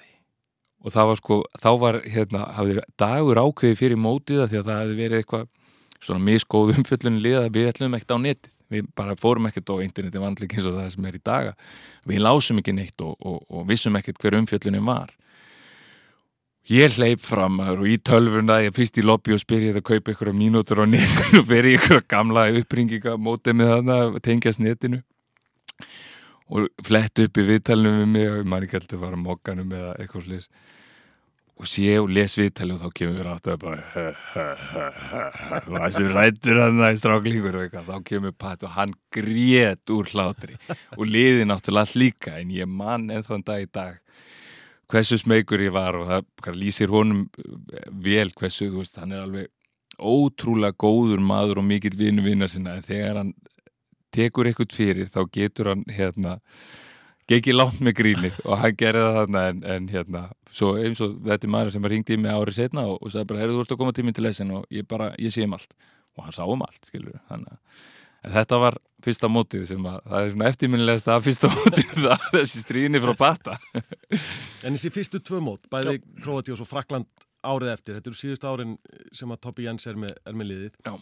og það er til að koma inn í hóp sem hafði notið rosalega velgengni, náðu þessu frábæra árangur 90, 97 Já. en það var svona, hvað var sé, það var pínu sandur í gangverkinu þarna og svona pyrringur í leikmönnum að að vera ekki alveg kannski að ná þeim árangri sem þeir töldu sig eiga að geta náð hjá Já. þessum eldri og, og, og reyndarimönnum Já, kannski var það líka bara því að þú og ég komum inn í þetta. Geti verið, við skemmtum það getum, Já, við getum hafa skemmt þetta. Nei, mótið líki í, í, í Fraklandi 2001 var, var sérstætt fyrir það að sækir að, að um, þá er ég eini minnstróttamærin og hérna um, og ég sko var eftir á að hyggja uh, sko, ég lagði mig allan fram og mér fannst ég, ég var að gera eins vel og ég gat en ég var kannski ekki alveg tilbúin í hlutverki. En, en þetta var ótrúlega mikilvægt fyrir mig uh, að hafa fengið þetta tækifæri hvort það hafi verið rétt gagvart liðinu uh, veit ég ekki en þann dag í dag, ég veit að Gústaf Bjarnason var mjög orðsins með það eðlilega að, að hafa ekki farið með. En, en hérna við vorum ekki neð, það er alveg rétt að ná þeim árangur sem við töldum okkur uh, ná, við töpum fyrir Júguslavi í 16. úrslutunum en, en svona það sem að, að uh, veist, það sem að bara upp á framtíðina, það sem að hefur skipt mig máli, þarna byrjuðum við saman herbyggisfélagarnir og áttum okkar McDonalds McDonald's ís, ferðir, eh, eftir, eftir leiki. algjörlega til fyrirmyndarnæring. Fyrir atun íþróttamenn eða tilvarandi e, og, og hérna þetta var e, veist, þessi móti eru mikill svona lærdómu fyrir mann e, að fylgjast með eldri og reyndari leikmönnum og, og, og, og takast á við uh, þú veist, verður í rauninni ósigur og, og, og að vera ekki að standa ekki undir væntingum hvorki sinna eigin eða, eða landans. Og að sjá hvernig þeir þurftu að taka því, þú veist, gaggrínin eins og eins og kom á, á bestu leikmennina var kannski stundum að manni fannst óvægin en, en, en að því að maður var innan búðar og vissi hversu mikið þið voru að leggja á sig.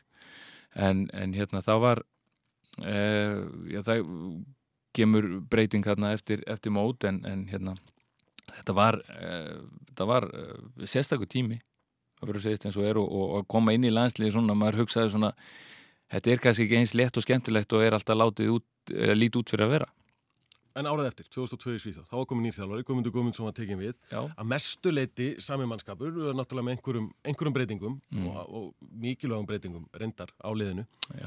En, en þá veginn, þá er allt í lukkunar vel standi, þó það sé ekki nema bara 12 mánuði liðnir frá, frá, frá þessu frekar svona dabramóti í Fraklandi. Já, en maður má ekki gleyma því sko hvað það er ekki endilega, veist, við getum ekki bara sagt að það var skipt um þjálfar og það allt var gott sko, af því að það koma inn, þú veist við tökum bara þú veist, fúsi kemur inn. Og skilja, við förum í gegnum okkar sögum við höfum alltaf átt góða handbóltamenn en við eigum, við eigum nokkra sem eru svona sérstakir. Þú veist, við eigum þú veist, Óla Stef, skilur þú veist, hann er, hann var bara betri en allir aðrir. Aron Pálmarsson í dag, hann er betri en allir aðrir. Hann er svona sérstakur. Fúsi var starri og meiri heldur en allir aðrir, skilur, og hann var ekki bara tveggja með þetta durgur sem var 115 kíló, hann gæti hlaupi hratt, hoppað hátt og skildi sportið. Hann var góður í veist, hann var ekki góður í fótbolta eða körubólta, en hann gæti spila báðar íþróttir, skilur, og hann var frábær í handbólta og hann skipti rosalega miklu máli fyrir þetta lið að upp á vörnina af því að hann tekur rosalega miklu plás það verður bara að segja þessu er. Og hérna frábær línumæði líka. Hann gæti spila begja vegna og hann þurftir ekki að sagt, skipta honum út í vörn og svo og þú gæst hlaupi svo vel og mikið hraðaflöpin sem að uh, voru með hann og Rúna Seytirsson í vörninu og þeir hlupi báðurinn að línu og svo kom bara Óli Stefáns og Patrik og Jónsson þeir kom bara miljón kilometrar hrað og skutu bara markið. Já, og við hýrtum milstundar í hóðan.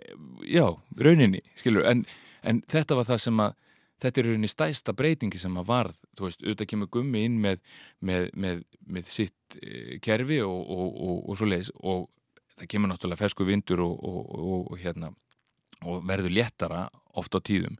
En það er ekki bara hægt að segja þegar það var skipt um þjálfara skilur. við höfðum líka aðra leikmenn og við sem dæmi vorum orðinni reynslu meiri og við gátum veist, þetta var þriða stórmóti mitt. Ég vissi aðeins meira hvað ég átt að gera skilur þannig að hérna þetta og líka eftir vombriðin þá voru menn ennþá hungrar í að sína sig og sanna þannig að 2002 var, var eiginlega eitt langt æventýri fyrir okkur alla en, en, en tankurinn var tómur þegar í undanúslitin var komin það verður að segja þessu Já, þetta er náttúrulega þeim árum þegar að stórmót voru erfið. Nú er þetta náttúrulega óttalegar helsubúðir. Já, spila já. bara annan hver dag, en þarna var spilað, það voru spilað þrýrleikir í riðlinu fyrst. Þetta var, Á maður sá þrem- það á, á dögum. HM núna síðast þetta var bara eins og eitthvað frí eitthvað. Já, já, þetta er bara, þetta er walk in the park núna. Þú veit, þessi típiski gamli, já ég var allavega að berjast Nei, en, en ef að öllu gamni sleftu, þá var þetta náttúrulega, Leikurinn er hraðar í dag, Einar Ég- Jónsson heldur hann er í dag. en þetta var Heldur að náttúrulega var fyrst þú þá. talar um að Já, já. búið á tankinu, að þetta var algjörlega mann skemmandi. Þetta voru áttaleikir og tíu dóm. Já, það er alveg rétt. Og maður getur alltaf komið með, með, með þau rauka móti að, að e, öll inngangi gegnum það sama e, en þetta, þetta var einfallega allt, allt og mikið. En maður verður líka að segja að leikurinn var hægari þá. Það er alveg, það er alveg, alveg satt og rétt, sko. Hoppum yfir á fyrstu olimpíuleikana, 2004. Það var náttúrulega gríðaleg gleði þegar liðið tryggði sér inn á olimpíuleikana í Portugal 2003. Já. En svo urðu olimpíuleikarnir eiginlega ekki svona þessi sama, hvað segja, þessi sama veistla og kannski eiginlega allir leikmenn óskuðu þess að það yrði. Nei. Og þá held ég að við komum inn á það að, að hafa upplifað eitthvað áður. Svona eftir á að hyggja, þá, þú veist, maður er alltaf, er alltaf auðvöld að vera vitur eftir á. Að þegar að við, sko, við förum olimpíuleikan og ég manna ennþá eftir ég fór á þangað og ég sagði bara, herru, þetta, þetta er ég, þetta er fyrir mig. Það er bara lokað umhverfi, veit ekki um hversu mörg þúsund íþróttamenn sem að búa þarna á sama stað, besta, með besta íþróttafólki í heimi, þú horfir á það að æfa, þú ert inn í einhverju rísastóru matatjaldi og borðar bara, og næsta borðið geta verið, þú veist, fólk sem að var að vinna olimpíumedalíu, uh, ekkert utan að komandi áreiti, þú getur bara æft, lesið, sofið, bara ert að hugsa um þig sem íþróttamann, algjörlega. En svo man ég eftir, þú veist, þegar þú ert að ferðast með strætónum innan þorpsins að, að þú stendur kannski í einhverju strætó og þú er, mann fyrst eftir þegar Merlin Otti stóð bara við hliðin á mér og held í einhverju stöng og ég var bara ok, alló, þú veist er, þetta var bara fólk sem að þekkir úr sjónvarpinu. Og það var í rauninni svona það sem að alls ekki átt að gerast var búið að vara maður við en það er bara hægt að að uh, undirbúa fólk ákveði mikið, sumar hluti þartu bara að fá upplega sjálfur og okkur fannst við eiga að spila miklu betur og standa okkur betur heldur en við gerðum. Og við höfðum meiri og herri kröfur á okkur heldur en að við náðum að standa stundir. Og það er það sem ég ber saman við olimpíuleikana þá sem á eftir komu að þú veist, það kýtlaði menn ekkert að vera þú veist, inn í ykkur olimpíuþorpi þú veist, þetta er þetta, þú veist, svo kemur hérna þú með draumali bandaríkjana þegar það er koma í heimsókn þorfi, þetta er náttúrulega merkilegt að sjá það og skilur, en það er ekki, þú veist við erum hérna on a mission, sko við erum að fara að vinna medalji og það er kannski það sem að vantaði 2004, voru við nóg góðir? Ég, ég veit það ekki, kannski ekki en, en hugsunarhátturinn var annar á næstu tveimurleikum alveg klálega Áður við komum þá að, að olimpíuleikunum 2008, var ég að spyrja út í HM 2007. Það var mót líka það sem að margt gekk upp og, en náttúrulega hafði kannski þennan sorglega endi á móti, móti dönum. En fyrir þig persónlega, markakongur HM, ég veit að þú vilt ekkert mikið tala um einhver svona persónlega velun sem þú vinnur, en það hlýtur að hafa kýtlað egoið svona að einhverju leiti. Já, já, uh, auðvitað gera það að vera markakongur á HM er náttúrulega þú veist, eins og segið þegar maður er að lesa minningagreinina þá er maður, jú, ok það er, það er eitthvað, það er ekkert allir sem að geta það og allir sem tekst það en það er ekki eitthvað sem að feð með inn í mótið en sko, þú finnur það líka hjá þú veist, ég hafði rosalega gaman að því svo, veist, Snorristeinn hann átti að, hann kom bara þú ert að vera markakongur á HM og hann er svo mikill fótbolt á HM þannig að hann, ég held að hann hafa alltaf sé gullskóin fyrir sér og, og þú veist, eitthvað brassa skora þrennu og eitthvað, sko, hann var að Hann sá bara þróunna Gary Lineker, Ronaldo, Guðamalur. eiginlega, sko, hann, hann, hann mér, fast, mér fast hann upplifa þetta sterkar heldur en ég og ég, maður, þú veist, reynir að vera, veist, reynir að vera fókuseraður á, á leikina inn og framistöðun og lið og allt svona en svo náttúrulega þegar það er komið að því og það er, þú veist, úslítaleikunin eftir og sá sem að vera í öðru seti þurft að skora eitthvað svona mörg mörg eða eitthvað annars, þá náttúrulega fór maður að hugsa, heyrðu ok, þetta hérna það væri gaman að ná þessu að því að við erum búnir, skilu ég myndi alltaf skipta út metalíunni eða, eða góðum árangur með liðinu fyrir, fyrir þetta, en samt sem maður jú, eins og segir, þetta ég hef gaman að hversu, þú veist, og að liðið hafi gaman að þessu líka, af því að þetta er ekki, og það, veist þó svo fólk segir já, já, ok gaman að skora mörg og allt svo leys en þegar maður er hotnamaður og þú veist hvernig það, þú veist, þjáningin er stundum þá er okkar hlutverk að vera fljótu fram völlin og þú vinnur mjög sjaldan boltan sjálfur. Það er einhverjir aðri sem eru búin að sjá um þetta fyrir því og maður er að, að í rauninni að, að klára vinnu annara líka sem hotnamaður eða þú fær boltan neyri í hotni þá er það einhver annar sem hefur gert eitthvað vel og gott og þér er treyst fyrir að taka skotið. Og það er einmitt það sem er það vesta þegar maður klikkar á eins og víti eða, eða hraðaplöpi þessi 35 metra tilbaka í vörnina horfand á all lið og hafa brauðist þeim að því eitthvað kannski hendi sér á boltan og kom boltan í tíni þá er maður bara oh, veist, þetta, er, þetta er erfiðast og vesta tilfinningin sem, sem, sem hotnamaður og, og markaskorari. En já þegar ég, eins og segi þegar ég, þegar ég heyriði lesa minningagreina þá er ég mjög þá er ég, er ég stoltur og ánaði með það já já klála Þá fyrir við að detta í veluna árin með landslíðunum. já Áður en að því kemur, þá ætlum við að taka eitt lag sem að tengist beint inn í árið 2008. Þá var Ólafur Stefánsson herbyggisfélagiðin og þið höfðuð ákvæmna hefð sem þú ætlar að deila með okkur. Já og það er reynda tenging þegar þú segir að þú fóst inn á eh, einhvern segin þekki eða spila með íþróttir. Mér sem að alltaf þegar við fórum úr herbygginu þá voru, sett í herbygginu móti voru eh, Arnur Allarsson og Áskjörðan Hallgrímsson og þeir voru með sinn playlista og þeir eh, hérna og svo voru við, við vorum bara, við hlustuðum yfirleitt á það sem þeir hlustuð á en við hérna blöstuðum alltaf inn í mér syngur, vitli syngur með Sigurós eh, áður en við fórum og við bara settust á rúmið og, og vorum ekkert eh, veist, bara vorum í okkar heimi og vorum ekkert að tala saman eða tröfla okkar annan eða gera neitt og, og þegar ég heyri þetta lag í dag þá fæ ég mitt bara, ég fæ flashback í, í, í herbyggið og, og þú veist, við kannski að pakka í töskuna eða bara, þú veist að já, við að einbytta okkur fyrir leikin og hérna og uh, sagt Orri Trommari Sigurós fyrirhandi, hann var, er uppalinn seldinningur og, og, og hann er tveimur árum eldri en ég og ég fekk spilaði nokkur sunnum upp fyrir mig og hef spilað fótballaleiki með honum í gróttu þannig að það er ennarnu tenging þar sem ég hafði ekki gerð mig grein fyrir núna þegar við settum saman listan Þú spilaði ekki með neinum í Ramstein sem við spilaðum aðan? Ekki svo vitir allavega? ekki svo, ég- ekki, nei en e, já, það var meðlumur Ramstein hefur verið á leik sem ég hef verið að spila það veit ég aftur um að fekk ég þetta eftir á en það var held ég, ég held að sé ekki út af því sem hann sé Ramstein samt, sko. Við ætlum að heyra í Sigurós, inni með syngur, villi syngur.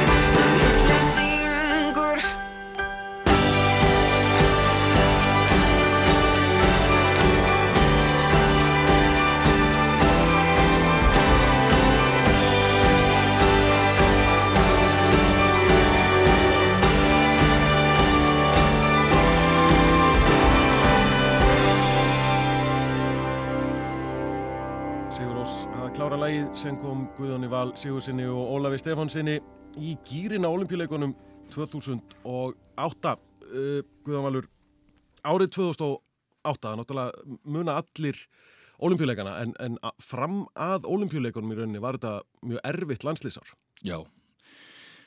Við áttum uh, ekki gott Európmót uh, og eftir Európmóti þá hérna uh, þá hættir Alfreð það var bara, verður að segja þess að er ótrúlega mikið að gera hjá honum og það var ofsalega erfitt að því að ég uh, þú veist það þarf ekkert að tala mikið um hversu frábær þjálfari Alfreð er, hversu magnaða karakter og, og, og, og þú veist, allt það sem hann stendur fyrir.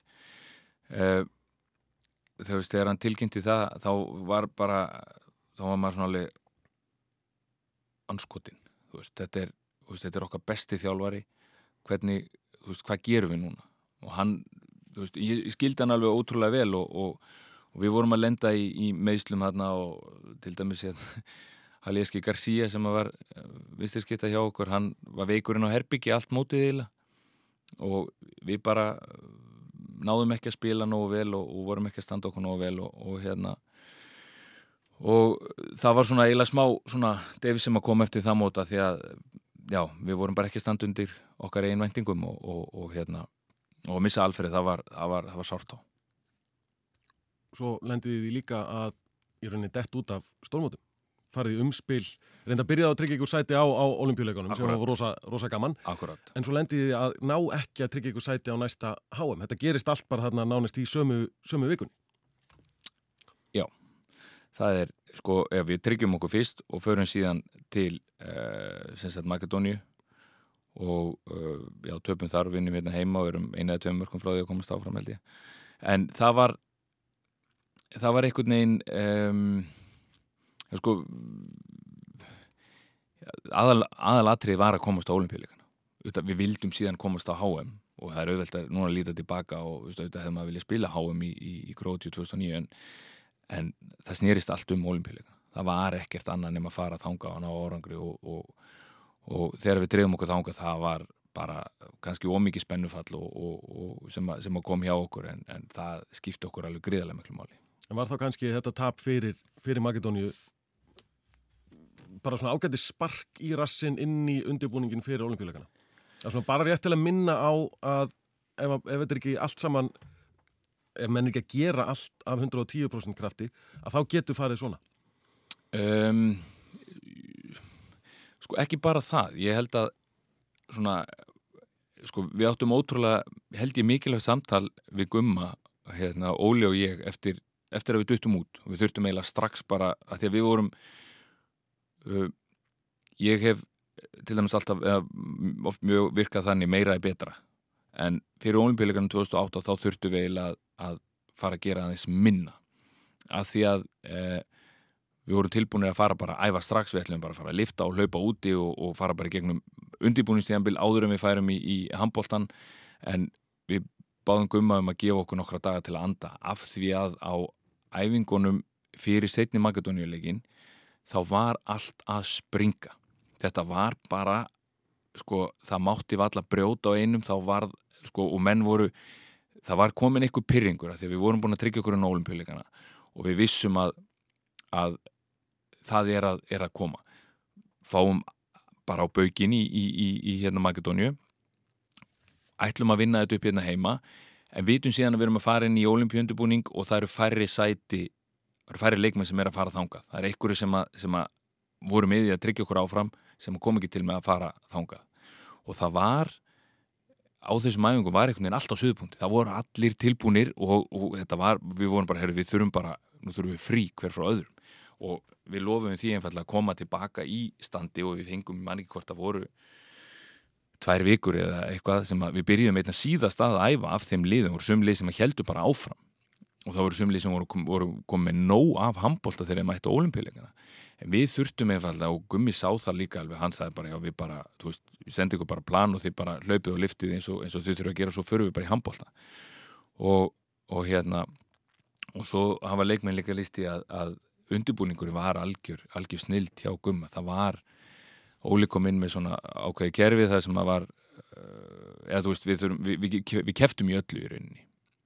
Veist, við vorum að það, það var allt sem að skipti máli hjá okkur í, í öllum æfingum bæði, bæði 2008 og 2012 fyrir leikan við reyndum að brjóta sumarið upp og, og það var ekki æft alla vikuna það var frí um helgar, við vorum að æfi í miðri viku og, og þess að vikuna í rauninni virkadaga og, og það var ótrúlega vel og mikilvægt hvernig þetta var uppsett og það er heldur mikilvægt heldur en tapir fyrir Makedóniumönnum að því að þó svo við hefum komist á háum eða komist ekki á háum við ætlum alltaf að standa okkur ólimpíuleikunum Hver er svo sterkasta minningin frá þessum vikum í, í Peking fyrir utan augljóslega að, að taka móti, móti medalínu? Hver er svona, já, hver er sterkasta upplifunin?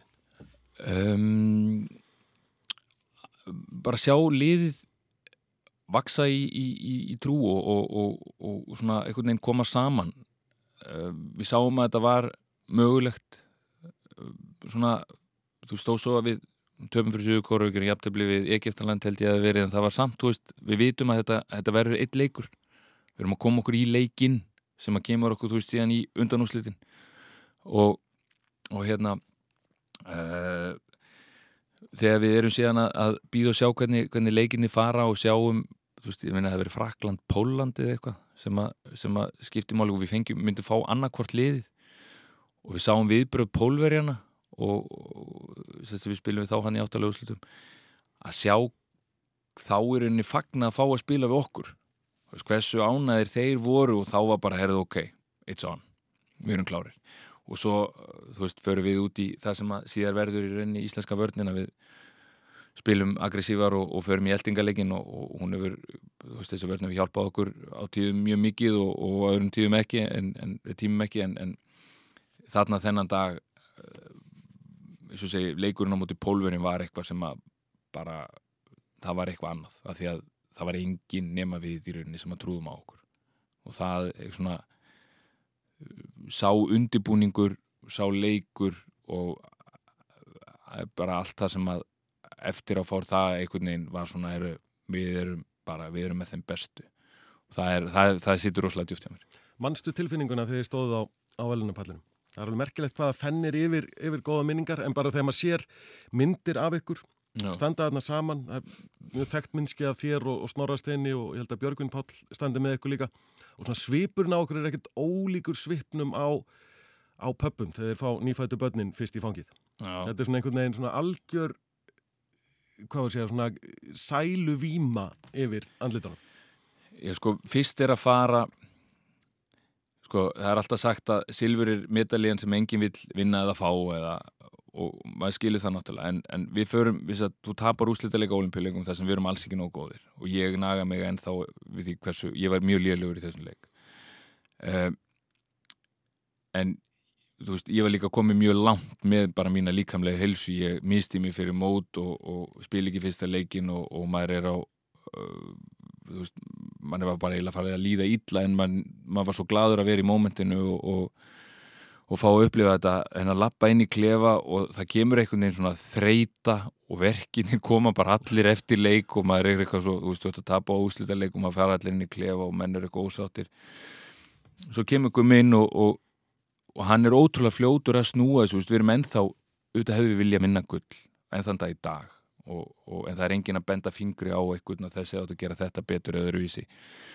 En bara, þú veist, strákar þið voru í öðru sett á ólimpíuleikum þú veist, veriði stoltir og ég er stoltur af ykkur og veriði stoltir og ánæði með hvern annan hvað er búin að gera og hvað er búin að afreka og, og það sem er í gangi heima þú veist, það var frí vinnu og, og svo er fólk að vakna snemma eða vaka lengur eða hvernig sem þetta var og, og, og allur þessi áhugi og stuðningu sem við fengum og, hérna þá svona, ok, þú veist við þurfum aðeins að feika þetta allavega. Við þurfum að sína líka að virðingu við fólki sem að er að fylgja með okkur sem að Íslandingi sem kom á leikin um, og þeir sem að heima eru að þú veist að við, við, við vorum að vinna til veluna á olimpíuleikum þetta er bara frábær árangur og, og hérna, við ákvæm erum við, bara við verðum allavega glæðir á pallinum. En svo líka svona létti staðins yfir öllu þegar við fórum að tala saman og við förum að fara eins yfir þetta og þá fer kannski að minna að það svekkjaðu ykkur einu eða tveimur skotum. En, en að þið voru að tala um myndina þú veist, ég sé mynd af mynd og myndskið af, af þú veist, við stöndum, við vorum í númerar það er, það er sagt, ég, Snorri og Óli sem stöndum og höldum utan okkur annan en fyrir mitt litla líf get ég ekki munið um hvað vorum að tala. Ekki sko, það er ekki möguleiki. En um myndina þykir mér mjög væntum og, og, eins og við ákvæmum við ætluðum að hoppa upp á pallin og við ætluðum að stíga svona smá strístansanna og, þessi útans og og fagna þessu sem við á gerðum og, og hérna svo áttu við okkur á því bara þetta var og er frábæra árangur Hvernig metur medalíuna á, á EM 2010? Þið fáðu náttúrulega í rauninni rúmlega árs frí frá stórmótum eftir, eftir olimpíuleikana. Voru þið sjálfur ennþá með sé, sömu ákefð í vellaun eftir þetta einu og halvár? Við vorum bara, um gerða kannski bara betra að hafa ekki farið til Króti? að vekja upp hungrið, að viðhalda hungrinu Nei, ég held að það hafi lítið með málið að gera Ég held að ef við farið á, á olimpíuleikunni í Krótíu nei, hérna heimsumstæramóti í Krótíu þá hefðu við trúið að við getum unnið og við gerum það líka þegar við fórum á EM og þegar við fórum svo áfram á, á hérna uh, olimpíuleikunni 2012 að við, og það var það sem ég talaði um í byrjun sko, að trúin, eða svona að hafa gengið í gegnum þetta. Og við vorum búin að taka þessi skref skilur, þú veist voru króatarnir og frakkarnir betri en við á þessum tíma klálega við verðum bara að segja eins og er, við verðum bara að vera alveg reynskilin frakkarnir bara voru ótrúlega góðir og erfitt við á eiga. En þú veist að við höfum verið betri en danir og þjóðverjar á þessum tíma bara bara nokkuð samfærandi betri en þeir. Það er í raunin alveg, alveg ótrúlega og við trúðum því og við vorum svo vissir og sannfærið um að við gátum unnið þessi mót og við ætluðum okkur að vinna þessi mót.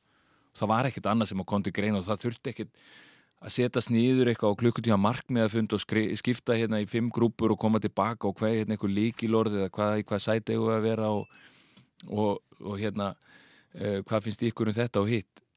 Það var bara, maður fara að vinna þetta. Við erum bara komast upp úr reilinu og svo bara vinnum við móti og það, þú veist, vorum ekkert að gaspraða eitthvað út af við en það vissuðu allir og við gátum leift okkur að hugsa svona því að þegar maður sér hvar leikmenn voru að spila Veist, við vorum með leikmenn í mörgum líkil, eða satt, mörgum af bestu liðunum og í líkil hluturkum og, og hérna og eins og segið, þú veist, trúin á okkur sjálfa á þessum tíma hún, þú veist, kannski vorum við bara eins og frek börnin, við vorum alveg, við vorum samfærir um og vissir um, um okkur sjálfa, sko. London 2012 Já, það var, það var mótið já. í raunni klálega.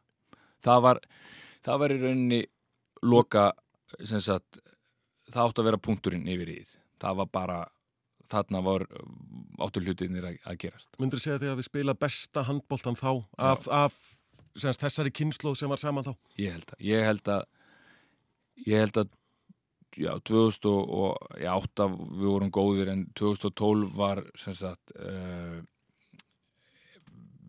við vorum reynslumiklir og við vorum, við vorum bara ótrúlega góðir virkilega góðir og við vorum, við vorum, svo, við vorum svo þjettir og, og vissir um okkur í, í vörn og raðablöpum og, og sókn að 2012 var, við síndum það líka í riðlunum, við vinnum bæði frakka og svíjar liðin sem að spila úslitaleikin við unnum þau og, og, hérna og bara, þú veist, nokkuð samfærandi sko.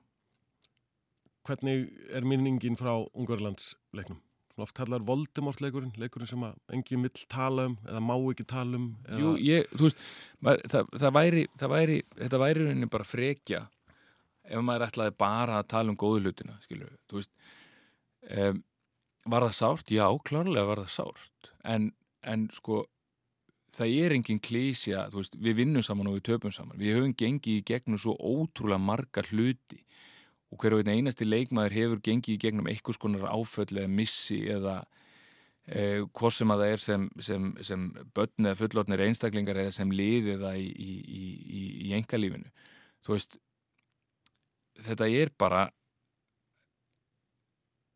þegar þú veist í lokdagsins er þetta þetta er íþrótt, þetta er handbólti, þetta skiptir samt ótrúlega marga, ótrúlega miklu máli. Og ég hef ekki nokkur það er, er ekkert vandamál að tala um þetta fyrir mig, þú veist, af því að eftir að hafa spilað svona lengi og eftir að hafa klúrað jafn mörgum skotum og ég er búinn að klúra þá get ég ekki talað um eitthvað eitt atvik að þetta sé atviki sem að klúðraði þessu fyrir okkur. Skilur, að við, að, að, að við höfum ekki skorað á okkar víti, af hverju óskupunum voru við svona óskipulæðir og lélegir eftir e, síðasta skotið okkar? Af hverju stoppu við á ekki hverju er ekki skotið varið, veist, það er, það er svo margt. Veist, ég hefði geta staðið mér betur. Ég hefði geta nýtt færið mín betur. Það hefði ekki þurft að koma til þess. Hefðu við þá unnið undanháðslítalengin, það er ekkert þetta að tala um ef og hefði í þessu sko. þetta er bara hluti af þessu. Og þegar ég lít tilbaka er ég þakkláttur að hafa fengið að upplifa það af því að þetta hefur bæðið þróska mig sem, sem íþróttamann og sem, sem bara mann og, og, og föður og allt saman að, að takast á við áföll og að lifa af áföll, það er bara eitthvað sem gera okkur sterkar og betri Áður ég sleppi þér út í sumar sóluna hvað er framundan? Fyrir utan útbúin að gera eins á samning við, við París út að verða ferdu núna í, í ágúst hvar sérðu sjálfaði fyrir þér eftir 5 ár, 10 ár? um, Stundum langar mig alveg, alveg ofsalega mikið til þess að, að prófa að vera þjálfari ég á ábyggil eftir að prófa það ekkert um hann en, en um, svo veit ég ekki alveg hvort mig langi til þess að að reyna að verða þú veist, þjálfari í atvinnumennaliði eða, eða eða í ykkur stóri deild ég hef ótrúlega mikið því að að hitta sagt unga leikmenn, unga krakka sem að hafa þú veist átt erfitt gengið í gegnum uh, erfiða lífsreynslu sem að uh, langar að ná langt sem íþróttamenn eða bara menta sig og tala við þannig krakka veist, þjálfa úlinga uh, og, og, og svo stundum hugsa ég mig langar að, að koma heim og, og reyna að hjálpa handbóltanum á Íslandi að, að verða stærri og meiri en, en veist, það er ekki eitthvað sem að veist, við eigum frábæra þjálfara, við eigum ótrúlega gott samband sem er, er þú veist, það er ekki eitthvað sem að, að nú er ég komin heim og ætla að gera eitthvað en ég væri til að taka þátt í því. En eh, ég bara veit það ekki. Veist, það er, það er, það er svona mísjant eftir dögum. Mig langar að fara í langa hérna, mótjólaferð bara marga mánada um, um heiminn þess vegna, kona mig var að klára að taka mótjólaprófum daginn og við hefum eitt, eitt hjól úti og, og hérna, þú veist, mér langar að að upplega margt, sjá margt, ferðast og, og gera margt og mikið, þannig að ég hérna er, er, er á margar óskýr og drauma eftir að, að ég er hættur að spila en ég ætla ennþá allavega að fá að njóta þessa því að tíðanbilið okkar er ennþá það langt skilur við erum með það langt uh, tíðanbilið það er ekki ég get ekki satt þegar ég ætla að fara í þryggja mánu móti jólaferð hérna um Suður Ameríku þannig að meðan ég er ennþá að spila en, en það kannski kemur síðar að því. En, en svo bara þú veist já, hitta, hitta gamla félaga og, og, og vinni og, og, njóta lífsins. Fertu samanlega ætlar að halda eitthvað sérstaklega upp á það? Nei. Ég hef aldrei haldið upp ámæli mitt og ætla ekki að gera Ég er svo heppin að, að hérna, ámæli mitt er í miðum undirbúningi og það hefur bara oft gæst að ég hefur á tveimur æfingum ámælistæðum og það er eiginlega bara það svona Það er planið fyrir amalið núna? mjög líklega, ég veit ekki ég ver, fer ábygglega í, í hérna klukktíma frönsku tíma líka.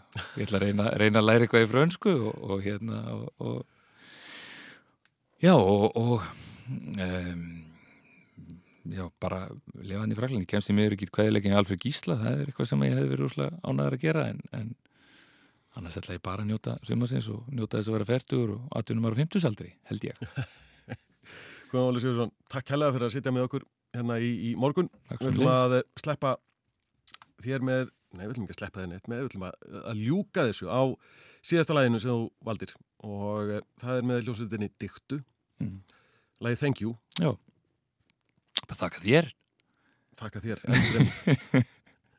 Guðan Óli Sigursson, takk hella og Dikta eru loka orðin frá Guðjóni Val Sigurssoni í dag, thank you In a language learned when no one was listening, I try my best to tell you how I feel. Somehow I'm sure, and this I believe in, this is real.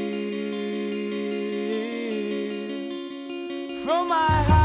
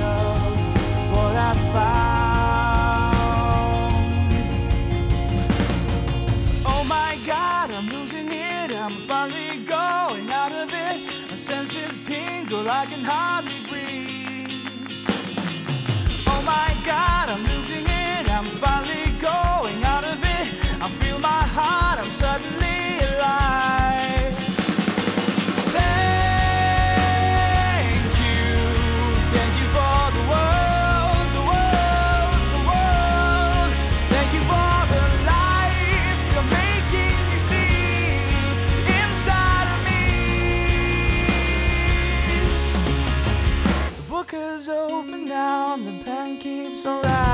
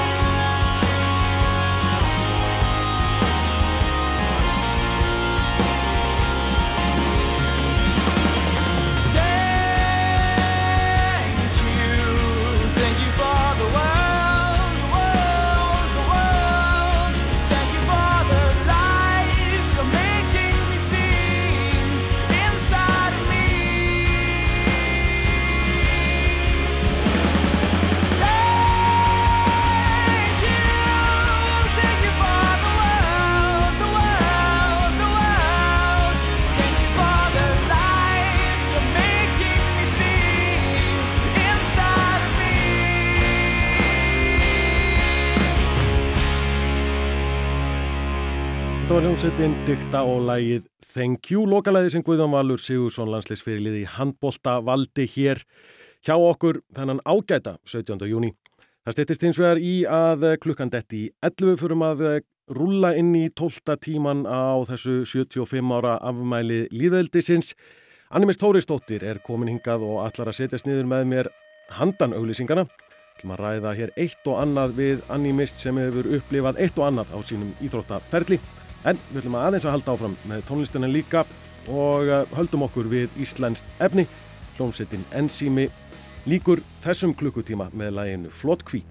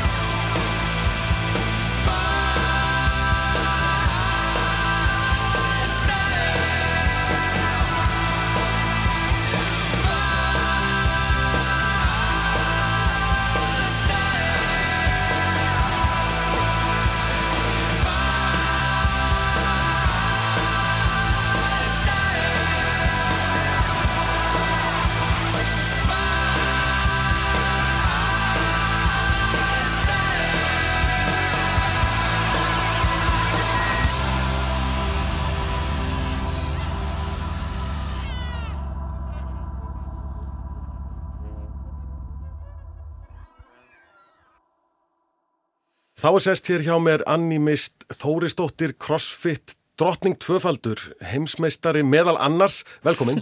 Hæ, takk fyrir. 17. júni hjá þér, ertu mikil, mikil 17. júni kona? Já, það er náttúrulega að segja það. Það er alltaf gaman að fagna og það er náttúrulega alltaf gaman að frítöfum. Ekki það að lífið mitt breytist, frítag er yfirleitt að sama hjá mér.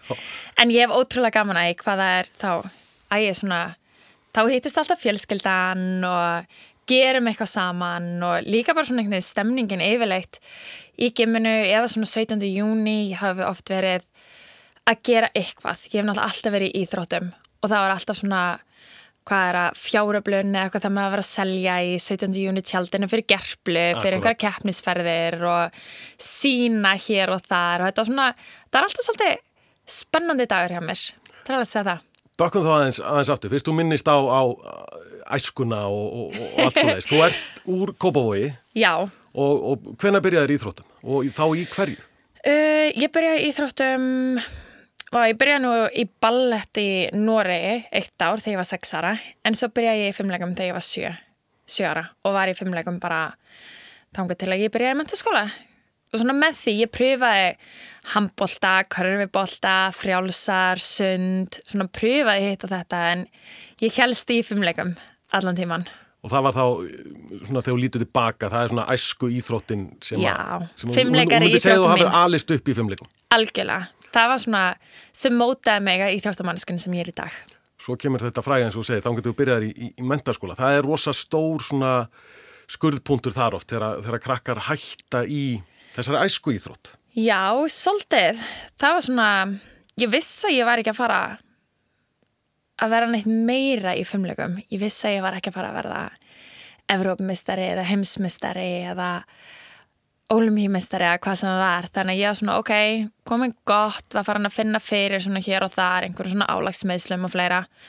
Og aðeins farin að missa áhugan líka. Þannig að, já, þetta var fínt. Ég ætlaði bara að fókusa á skóla, einbetta mér og svona stort stökk að fara úr grunnskala yfir í mentaskóla. Þannig að, já, og það skiptir mér miklu máli. Ég hef alltaf verið þetta svona svolítið einhvern og sjúk.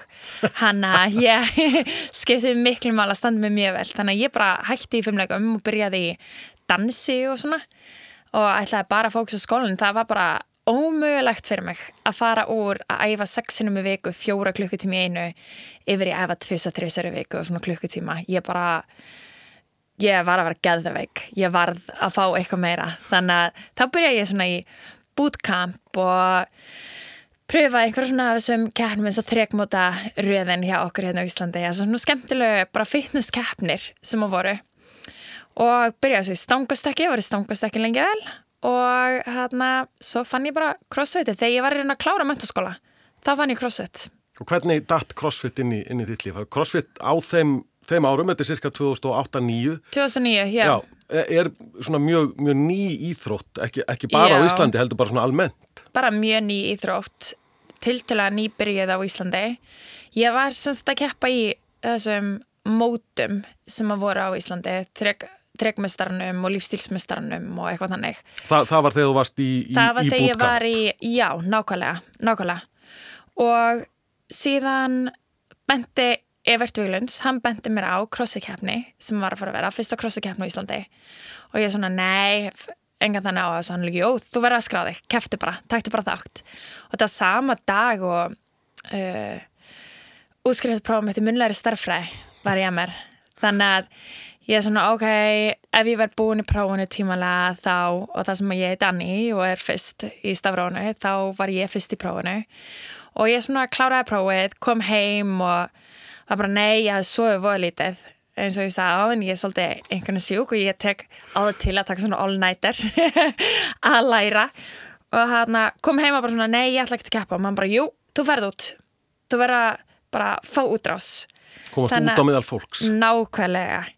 Þannig að hún svona ítti mér bara út og ég fór og kefti og svaf í bílnum og milli eventa og svona og endaði á að vinna þetta mót og þannig fekk ég pláss á heimsastara mótinu 2009 þannig að ég það er svolítið svona evert að þakka ég skildi að skrá mig, mömmu að þakka hún skildi að ítt á mig, þannig byrjaði ég svolítið bara að ferili minn Og fóreldrinum að þakka að hafa gefið þér nafn sem byrjar á A til Já. að koma þér framar í, í starfræðiprófun.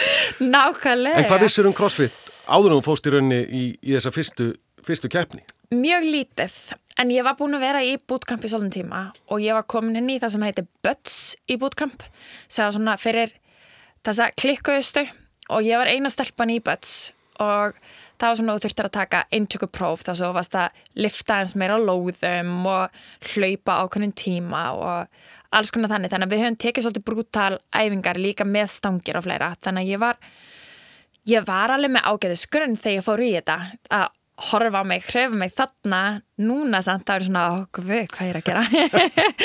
Hræðileg tekni og ég var að viðkynna það, ég var með mestu haspuru sem ég hef haft. Fram að þessu var ég með eftir þetta mót sko. En ég var með, ég hafði aldrei gert crossfit þannig séð en ég hafði gert margar af þessum hreyfingum. Þannig ég var alveg tilbúin í það. Og þetta var, eins og segir, leiðin þín inn á, inn á fyrstu heimsleikan og þú fórst þangað algjörlega græn og blöta bak við eirun. Já, þarna hafði ég tvo mánuði til þess að gera mig tilbúna fyrir heimsistarmótið og þá fór ég að sjálfsögðu fann mér þjálfar í olimpísku liftingum og mætti aðeins til Leifu Geir var þá með crossfit og í sporthusinu og Evert var með crossfit í verklass það voru svona einu crossfit stöðan sem voru þá tiltula nýjar. Þannig að þeir voru mjög deglegir en að hjálpa mér. Og svo var ég með frábara æfingafélaga í bootcamp og við æfiðum bara saman svona fórum að taka crossfit vott og þannig. Það er svona workout of the day þannig við fórum bara að fylgja því sem var á crossfit.com bara það sem kom upp þar og fórum að taka það. Þannig svona gerði ég mig svolítið tilbúna fyrir móti og við fórum með svakalega góðan stöðning, það var ég og Sumbjörn Sumbjörn sem komist þarna fyrsta árið. Og það var svo mikið spenna í stöðinni og í öllum að við værum að fara. Þetta var svona, þetta var alveg stort moment bara fyrir alla stöðina sko Og hvernig var upplifunin á, á mótuna? Gekk mjög vel framan af á, á mótinu. Já, það gekk bara mjög vel. Þetta var alveg ótrúlega erfið keppni og líka svona, og því að við vissum ekki alveg hvað við vorum að fara út í og við fengum að vita keppninar, maður er óvanið í að vera á staðnum og svo fær maður bara að vita ok, og næsta sem þið að gera er þetta og þeir skrifa bara på töflu og þetta er næsta sem við gerum svo klárum við þá keppni og svo bara já og næsta sem við ætlum að gera er þetta þannig að maður var einhvern veginn svona óvissan var svo mikil og svo oft þið skrifið eitthvað på töfluna bara byrju, ha, hvað er þetta? Hvað er GHD? þetta var svona, það voru svolítið mörg þannig moment hjá okkur en þetta gekk ótrúlega vel. Líka því að var náttúrulega engin pressa og crossfit svona til til að nýtt og ég var í mjög góða formi og ég var mjög sterk bara já, ég veit ekki af hverju, bara svona í grunninn þá var ég með mikið styrk og við vorum með réttstöðil eftir þetta áru ég held að ég hafi tóð 165 kíló og 170 kíló frá gólfinu sko. Þannig að þetta var svona þetta var ótrúlega skemmtilegt, gekk svakalega vel bara svona fram af og svo seinasta voti þá vorum við komin út í aðeins og teknilega hluti þannig að ég, maður gati ekki bara rifis í gegnum það einhvern veginn, bara á skapinu og keppniskapinu og allu, Það var ekki það voru nóg. það voru hringirnir, mössuleppi hringjum. Og ég náði fyrsta mössuleppinu mínu hana og það er svona það sem að flesti muna eftir mér fyrir var bara Iceland Annie og hún náði fyrsta mössuleppinu sínu og það var svona stórt moment í krassut heiminum svolítið. Var þessi stelpa frá Íslandi sem að kom hana og tókst að gera þetta. Um, og margir halda að það sé svona momentið sem að let mig elska crossfit og finna bara að þetta er sportið mitt en það var ekki það að mér tókst að gera mössulega fyrsta skiptið sem að let mig elska þetta sport heldur var það að mér tókst ekki að gera sjö. Ég átti að gera sjö hana mér tókst ekki að gera sjö. Og það fannst mér, ég var loksins búin að finna eitthvað sem það var ekki nóg bara Ekki nóg að vera með. Nei, það var ekki nóg ekkert en bara vilja nógu mikið og reyna að rífa sig upp. Ég fann, ég þarf að æfa mig, ég þarf að verða betri, ég þarf að bæta mig í tækni, ég þarf að bæta mig í styrk og svona keppnisfílingurinn sem var það var svo klikka skemmtilegur sko. Að ég ákvað, þannig var ég í stangastekki og planið mitt var að reyna að komast á olimpíuleikana 2012 í stangastekki en ég bara, eftir þetta var ég bara, nepp, ég ætla að vera crossfit ég ætla að vinna þetta mót og ég ætla að vera bara fittest woman on earth í Heitir þetta framtíðinni. ekki bara að fá keppnisbakteríuna? Jú, svolítið. Mér fannst ég bara búin að vera að leita frá að ég hætti fimmleikum bara að leita að einhverju sem myndi halda aðteklinu svona mikið og vera svona skemmtilegt, þetta er svo fjölbreytt og svo skemmtilegt. Og þarna ég bara fann það mamma og pappi voru aðna með mér og voru svona sem sem þjálfararni hjá mér á Simbitni og þetta var einhvern veginn bara allt í kringum þetta gerði þetta bara að þessari fullkomni keppni fyrir mig Áður við höldum lengra, við erum að nálgast náttúrulega gullmótin hjá þér. Aðeins, aðeins henda okkur í, í tónlistinni. Ég baði um að velja, velja nokkur lög. Já, Og þú valdir hérna, lag með Jóni Jónssoni. Gefðu allt sem þú átt. já Er það ekki líka nánast það sem við erum búin að vera að tala um? Að, að þú fannst þarna að þetta var það sem þú ættir að gefa allt sem þú áttir í.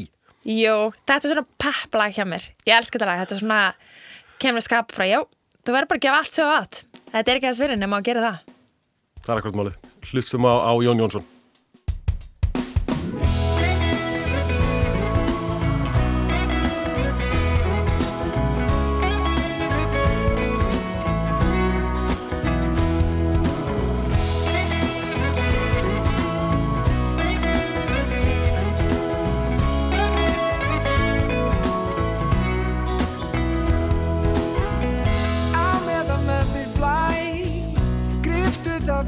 Gæs.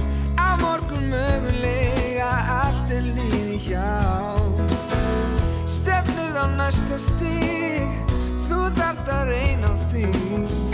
Þú veist að stóða líta Býða bara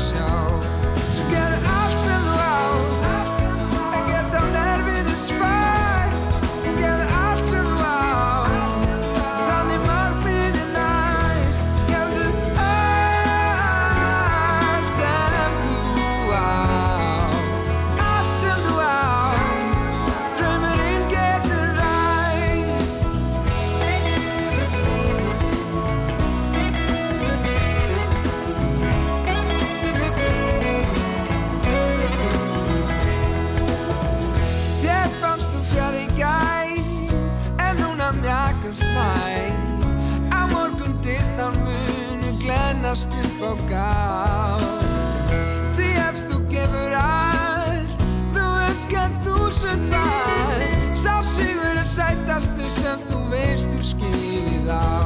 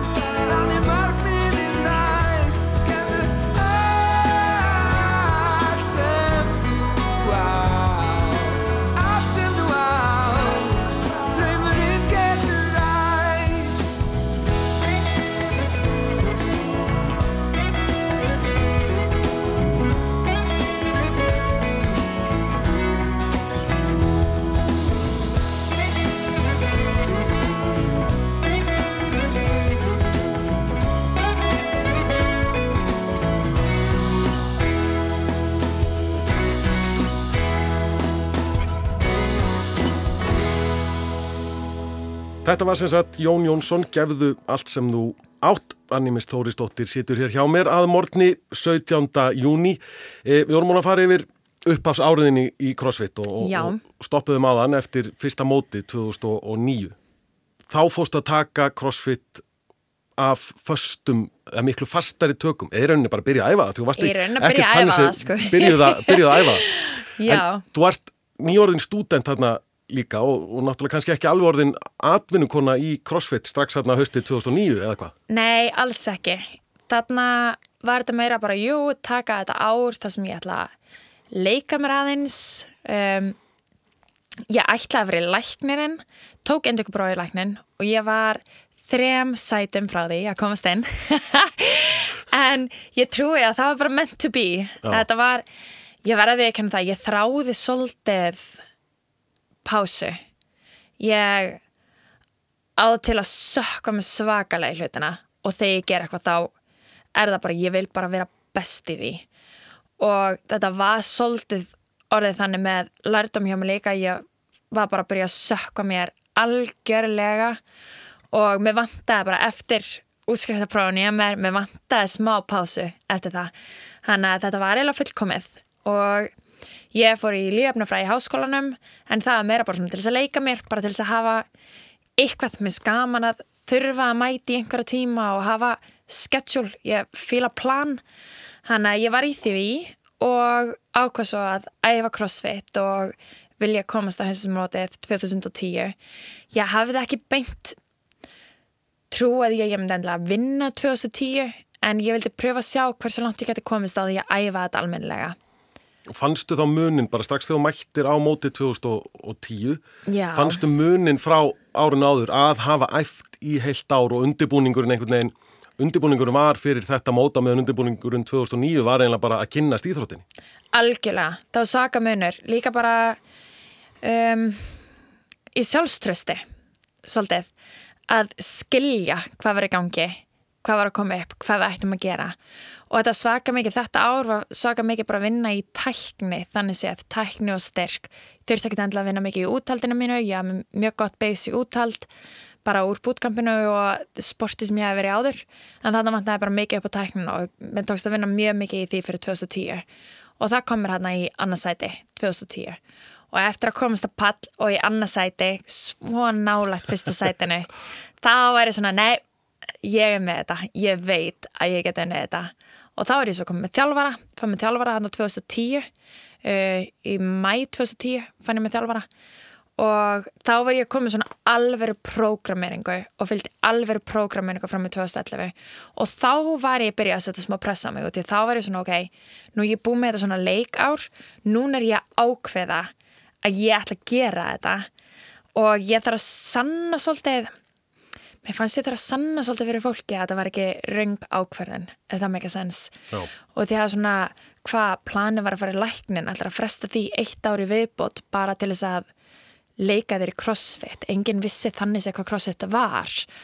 Og ég svona já þurfti að sanna það fyrir öðrum og sanna það fyrir sjálfur mér að þetta var rétt ákverðin þannig að það var svakalega góð tilfinning þegar ég vann endaði að vinna 2011 það er bara eina bestu minningunum í sportinu. Það var það var keppni í rauninni svona þegar maður var að fylgjast með því utanfrá hérna, hérna heima þá svona fa- fann maður einhvern veginn að þú varst svolítið með þetta eiginlega allan tíman í því móti. Já, að greinlega undirbúningurinn vitandi hvað þurftir að gera í heilt ár eftir, eftir silfrið, að vita í heilt ár hvað þurftir að gera já, að það var svona algjört öryggi yfir þessu 2011 algjörlega. Ég var með mikið meira structure, ég var með svakalega ég var svona með hann grunnhópa í kringum mig sem er búin að vera núna í kringum mig senasta árin, eða þú veist bara, já frá í rauninni kringum bara 2010, lók 2010 þá myndaðist þessu hópur sem ég var svo bara að vinna með. Þannig ég var bara komið með þetta svaka flott, flotta structure og mikið meira structure heldur en flestir á þessum tíma voru búin að byggja sér upp. Og já, ætli ég haf ekki verið með eina af þeim fyrstu sem að fann mér alvöru þjálfara var með alvöru æfingafjala var með, já, fylgdi bara algjörlega prógraminningun og því sem ég ætlaði að gera og var með bara þetta heita markmið að vinna og maður fann það bara þegar maður mættur. Ég var bara tilbúin.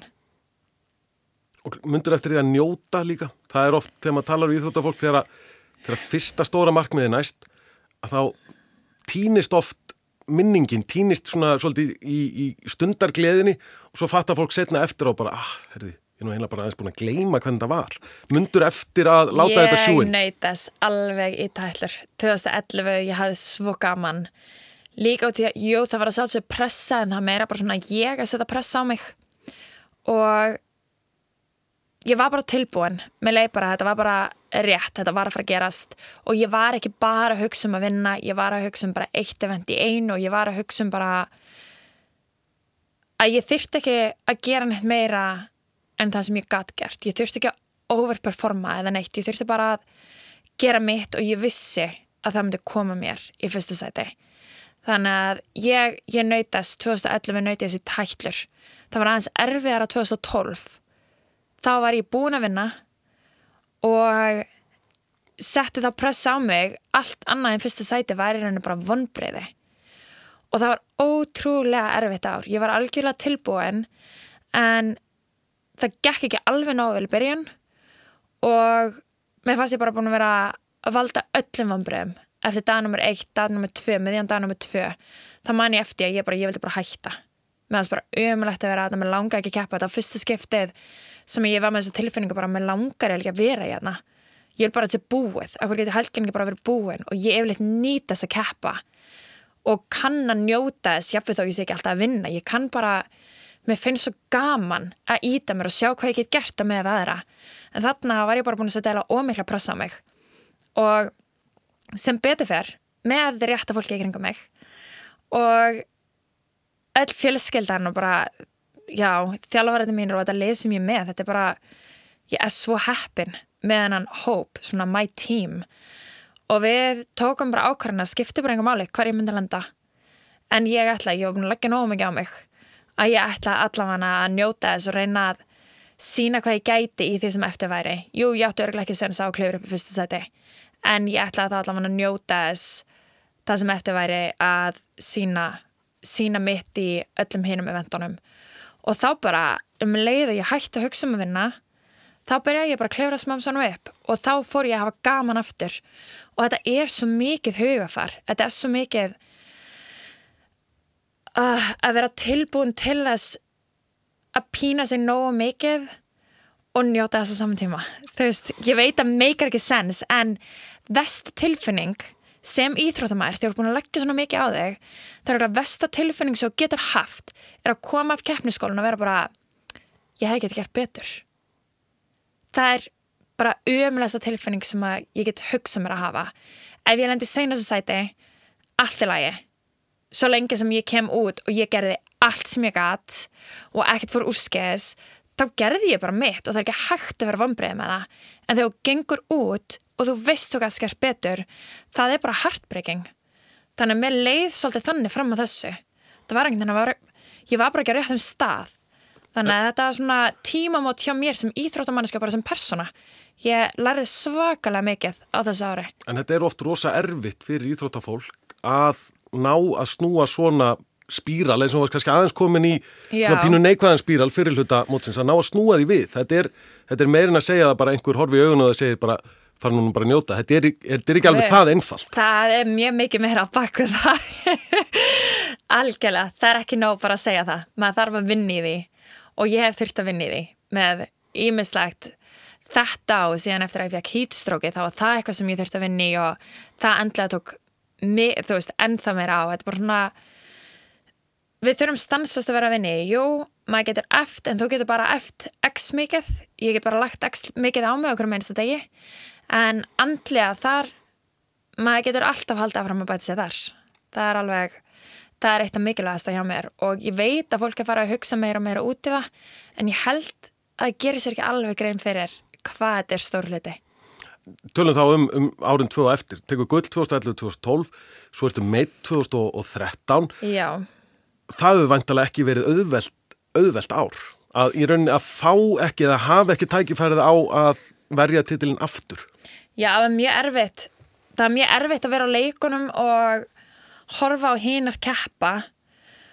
Og það gerir maður þetta sjálfsögðu sem maður allir gera, maður horfir á eventin og maður horfir á stelpunar bara vá, ég hefði unnið þetta, ég hefði unnið þetta. Bara 100% en jú, það var ótrúlega erfitt. Líka bara ég held það segja allir að þeir læri á því þegar þeir meiðast og maður tekur það besta úr því þegar maður meiðist en ég held að það hefði verið svolítið gott fyrir hausin á mér að meiðast þarna. Ég gerði mig grein fyrir að ég er ekki óbrjóðnanleg fyrsta lagi og í öðru lagi það var þetta svolítið svona ég gerði mig grein fyrir hvað þetta er stór hluti af lífinu mínu hvað ekki bara það, jú, að ég er atvinnumanniska í crossfit en það hvað ég nýtast mikið hvað með leið eins og ég var að missa mikið á því ég get ekki eft, ekki bara get ekki keft en að get ekki eft og ég horfði á annað fólk æfa og ég var svo öfundsjók ég horfði á fólk taka hnepegju og ég fann bara hnút í magan mér átti erfitt með að horfa á það og ef einhver hreyfði sér illa. Þá er bara, gerir sér ekki grein fyrir hvað þið eiga þú veist, þeir með ekki leifa sér að reyfa sér svona og verður að svona, hafa svona pyrringur einhvern veginn sem myndaðist í manni.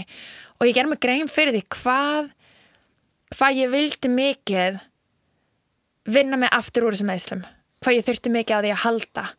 Þú veist, fyrsta var það bara guð mun ég aldrei geta eft aftur. Og síðan var það mun ég aldrei geta keft aftur. Og svo sjálfsögum mun ég aldrei ná sama level aftur. Já. Og þetta var mjög erfitt ár andlega svona smám saman að vinna sig upp úr því. Og sjálfsögum það eru set, setback sem maður fekk í þessu bara eins og þetta öðru þegar maður fer að taka aðeins svo mikið fram úr sér og þá þarf maður að stoppa aftur og ég var með taugaleginu neyra annan fótinn í hálft ár. Þetta var alveg mega erfitt ár á mér. En kemur aftur að því með fólki sem ég er með í kringum mig og vilja styrkin hjá mér endalust það var bara að mann ásett smám saman upp úr þessu og ég held jú, ég myndi segja en besta tilfinning sem ég hef haft var 2011 þegar ég vann leikana. En vá hvað ég nöyt þess að keppa 2014 það var bara að byrja að treysta líkamannum aftur. Ég var svolítið að halda aftur á mér og því ég var hrættum að ég myndi meiðast aftur. Og það var ekki fyrir en eftir 2014, leikana 2014 sem ég fór að treysta bakinn á mér almennilega aftur. Og það mér líður eins og sem meðist að gáfi mig það. Það gáfi mér ég held ef ég hefði ekki meðist þá hefði ég örgulega hægt í crossfit fyrir Já. ég hugsa það. Út af pressunni sem hún varst að tala um og væri farin að setja á sjálfa þig og Já, og svolítið svona hvað næst, hversu mikið vil ég þetta? Er þetta það skemmtilegt lengur? Og það geta þetta ekki að láta það taka, einhver taki það frá manni þá gerir maður sig grein fyrir hversu mikið maður vildi það. Þú tekur Silfur 2014 Já. 2015 og og 16 náður ekki á pallinu svo kemur brons 2017 var það líka hvað sé, svona andlegur léttir Já, að, að vita að, að 2015 og 16 var kannski bara meira slís frekar en að þú værir ekki með þetta lengur?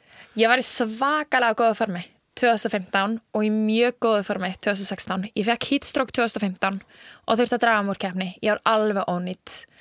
Og ekki, já, ég gæti ekki rétt úr höndunum uh, tíu dag eftir mót, ég gæti ekki tekið arbegjur tvo mánuði eftir mót en þá að bara ég fekk svo slemt rabdó og já, bara mjög slemt heatstrokk um, svo 2016 þá var ég bara, þar kom hausinin og ég var bara ekki aðna ég ég var svo hrættum að fá hýtstrokk aftur og ég bara hrættum að ég myndi drepa mig.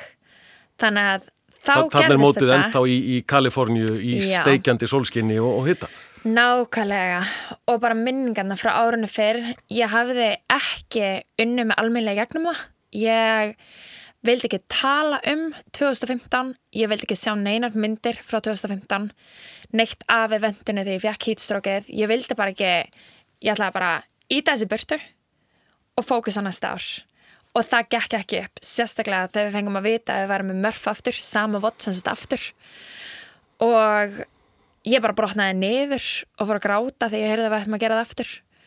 Og síðan rétt áður en við byrjaðum með vendið þá syngdi þér á stórum skjá fyrir framann okkur myndafni frá, Frá mér.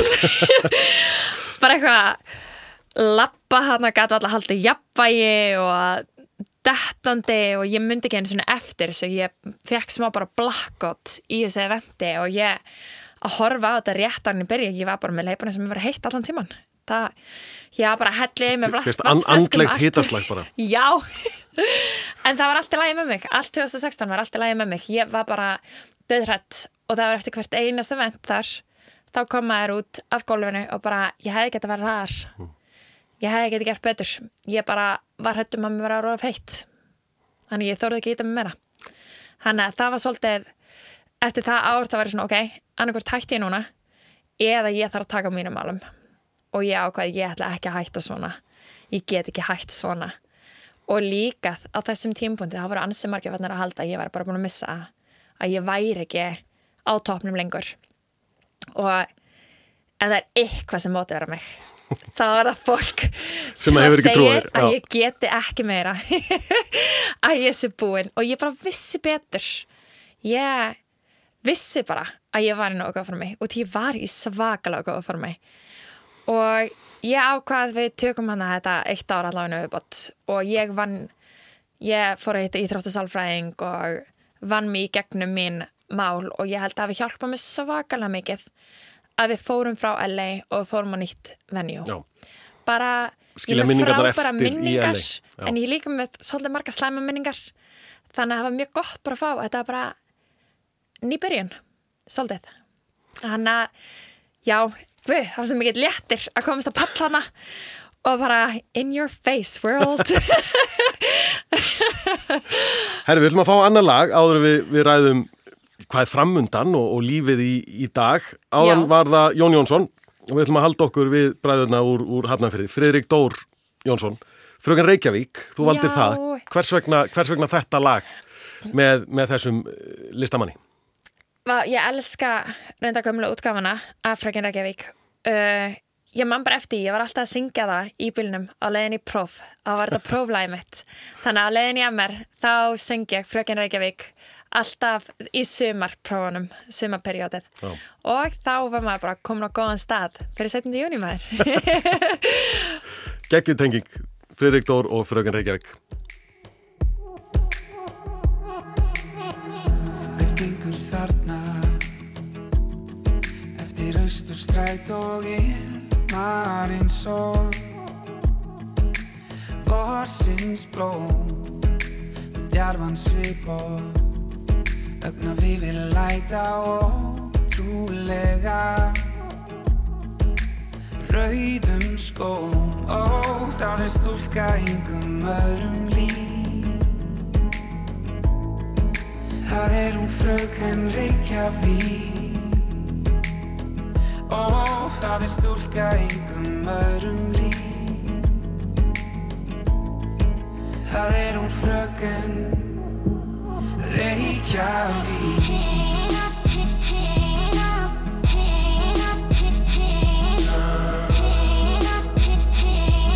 Það er hún fröken Reykjavík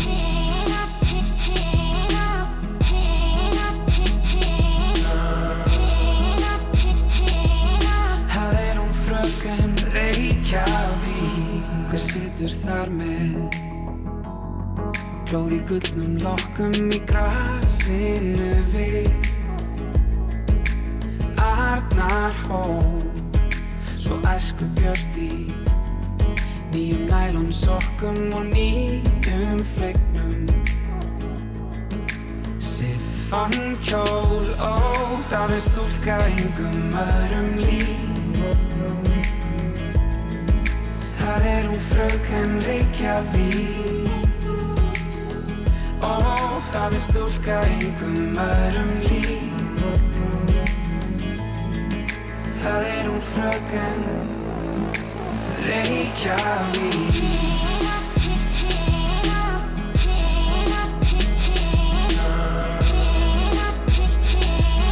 Það er hún fröken Reykjavík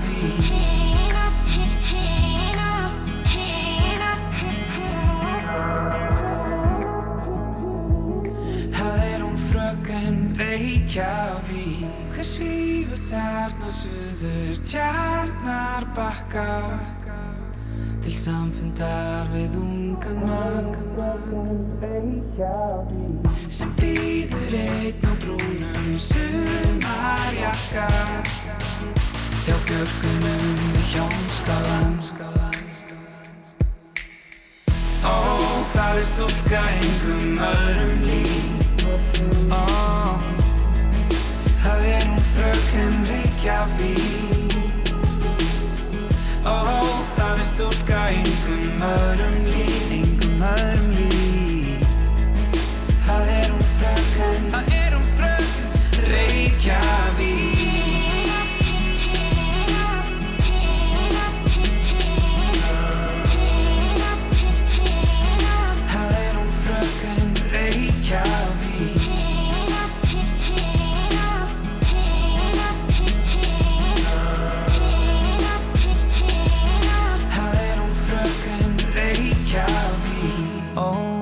stúlka engum öðrum lík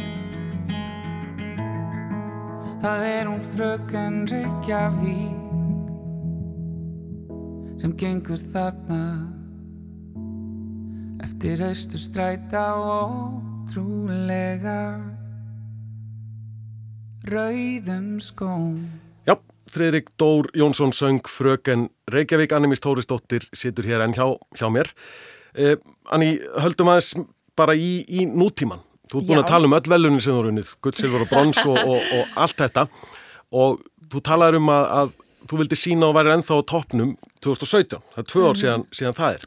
Þú ert Mhm. Já. ennþá núna á toppnum, núna er 17. júni 2019, þú varst nummer tvö í, á, í eh, þessu heims Open open qualifying fyrir, fyrir heimsleikana þannig að Annimis Tórisdóttir er ekkert að, að hverfa af velunapöllunum Nei, ég maður má alveg verið í íþróttum til þess að taka þátt og vera með en ég hef alltaf verið með í íþróttum til þess að vera best.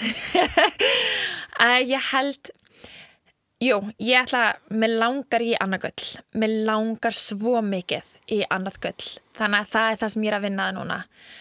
Það er bara ákveð mikið sem er í mínu kontról þegar kemur að því. Eina sem ég get gert er að æfa eins mikið eins og ég get. Ég er með matræðið 100%, ég passa söfnin, að ég sofa almennilega, ég passa að vinna í líkamannum og fá trítment og allt sem er í mínu kontról ger ég og við sjáum hvert það kemur. En ég, já, er bara ekki tilbúin til þess að hægt ennþá. Jú, ég byrjaði 2009 en ég byrjaði líka bara mjög ung. Ég byrjaði 19 ára gömul, ég er ekki með 29 og ástæðan fyrir ég get ekki hægt er svo ég er bara ennþá uppleið. Það er ótrúlegt að sjálfsög er ég með mína tímapunta það sem að hlutinni gangi ekki eins og ég verða þær gangi.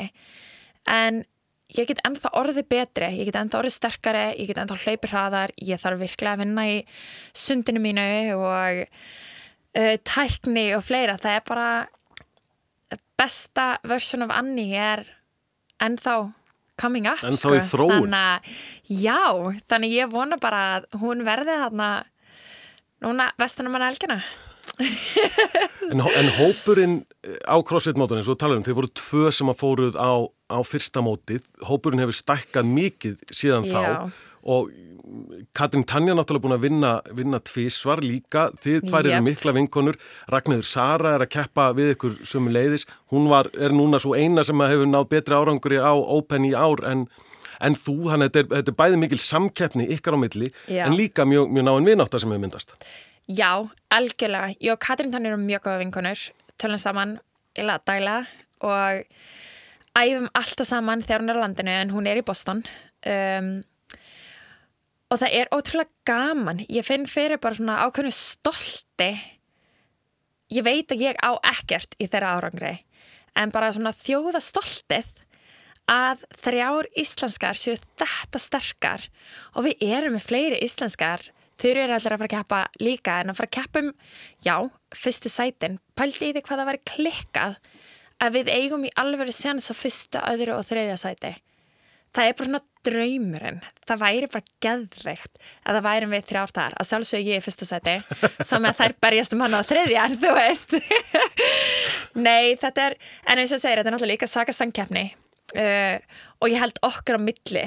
Þá er að sjálfsög við viljum vinna alla en að sjálfsög viljum við vinna hver aðra það er svona, þetta stolt að vera best á Íslandi er alveg svolítið mikið líka Og, og besta dóttir. Besta dóttirin. Þetta, þetta sterka brand sem er komið, dóttir, hashtag Já. dóttir, sem að byrjaði með, með ykkur og Já. er svona búið að, að svolítið að vika út bara í allar íslenskar íþróttakonur og, og víðar, bara bara afreks allan konur. heim Já. þú veist ekki hversu margir eru í bólum mertir dóttir, bara um allan heim En hvernig byrjaði það að, að nota þetta sem, sem ykkar svolítið sérkenni? Mm. Og hashtagið í rauninni fer af stað. ég held að í rauninni dóttir hafi bara byrjað 2010 og að þeir áttu svo erfitt með að segja nafni mitt Já. að það var auðveldar í staðan fyrir að segja Þórisdóttir þá var það Thor's daughter Já. þannig að þá fór þessi skilgreining að vera að við erum dóttir og hvernig við gerum eftirnöfn okkar. Og svo smám saman að sjálfsögum lög ég vann þá fór það að dreifast meira um hvernig eftirnöfnum okkar voru og síðan með okkur þremur þá er þetta náttúrulega byggst upp meira og meira og með bara afriki fleiri og fleiri dætra. Fólk verður að taka eftir þessu og þegar það sér eftirnöfn dóttir þá veit það bara að við erum frá Íslandi og það veit bara um leið að það er dóttir á listan það er að þetta er sterk stelpa. Þannig að ég held að þetta hafi bara já, í rauninu um leið og Instagram byrjaði og hashtag byrjaði þá byrjaði hashtag dóttir sko. Finnur þú svona hlíu í hjartanu þú sér fleiri og fleiri íslenskar íþróttakonur nota þetta þegar þeir eru að keppa á, á alþjóðavettangi? Algjörlega, það er bara, já, það er svo mikið stolt sem að fylgja þessu. Og það er einhvern veginn, þetta er svo tilfinningulega tengt okkur, þetta er náttúrulega nafni okkar, þetta er nafn allra kvenna á Íslandi og við berum þetta bara svona sem styrkleika, einhvern veginn. Mér finnst þetta að vera svolítið, uh, hvað er rétt í íslenska orðið, því þólki þegar ég missi orð. Við erum svona united, Samin- sameinaðar. Saminar, við erum saminar. Mér finnst þetta vera svona, eins og ég segi oft þegar ég er að keppa, mér finnst ég ekki vera að keppa bara fyrir hönd Íslands eða eins og fólk keppi fyrir Bandaríkin eða keppi fyrir Danmörku eða hvað sem það er. Mér finnst Ísland svona standa með manni. Það strákinn er að keppi í fótbolta, stelpnir er að keppi í fótbolta, bara Ísland er með, það talar um strákana okkar, stelpunar okkar. Við gegn heiminum. Já, nákvæmlega. Og mér finnst þetta dóttir, þetta tekur okkur svolítið svona allar saman. Við erum bara styrkur fyrir hver aðra. Og mér finnst svona allt Ísland vera svolítið saman í því. Og mér finnst það gera þetta ennþá, ennþá meira og það gefur mér ennþá meira hlýði þegar maður sér þetta að svona, jú, þetta er, þetta er mín manneska. Þú veist, ég stið hana. Þannig að mér finnst það vera svo stór hluti að þessu. En framtíðin, hvað ber framtíðin hjá Annemist Þóristóttur? Þú ert búin að tíu ár á toppnum í, í crossfitinu, átt nóg eftir, Já. en þú ert farin líka, svona aðeins farin að festa rætur líka hér heima, komin inn í crossfit Reykjavík, þeir eru farin að halda stór mót hér, hér heima Já. líka. Hvar sérðu þig eftir, eftir tíu ár í viðbót? Já, mjög erfitt með að segja hver ég verði eftir tíu ári viðbót en ég veit að crossfit er stór hluta ég er ekki að fara neitt þegar kemur að crossfit það er, ég hef ómikið passion fyrir þessu og ég hef svo ofbóðslega gaman að ég líka bara CrossFit Reykjavík, það er sama, þetta er einhvern veginn, ég er að æfa með fólkinu sem er aðna, ég elska að vera á æfingu og stöðinu bara fulla fólki. Og við erum einhvern veginn saman. Og þetta er CrossFit Reykjavík sem er svolítið litla batni mitt sem ég mun alltaf vera með hendurnar í og mun örgulega bara vera meira og meira hlut af. Ef ég fyrir að minka við með keppni einhvern tímann í framtíðinni skilur þá verður það náttúrulega alltaf stór hluti. Og ég elska við sem núna komið hann að Reykjavík CrossFit Championships á Íslandi og ég vonast til þess að við munum halda áfram að byggja það upp og gera það bara starra og starra móti. Og vonandi mun það bara vera eitt af stærstu CrossFit mótum í heiminum. Það er svona svolítið draumurinn hjá mér að ná að byggja þannig upp. Mér finnst Ísland bara vera rétta landið til þess að vera með það ef ég ára alveg hinskilin hann að það er ég veit bara framtíðin er bjart Annemist Þóristóttir, takk hella fyrir komuna og bara gangið sem allra best bæða á mótu núna í sumar og, og svo næstu, næstu ár og, og bara gleðilega þjóðatíð, njóttu þjóðatíða dagsins. Takk fyrir sem er leiðis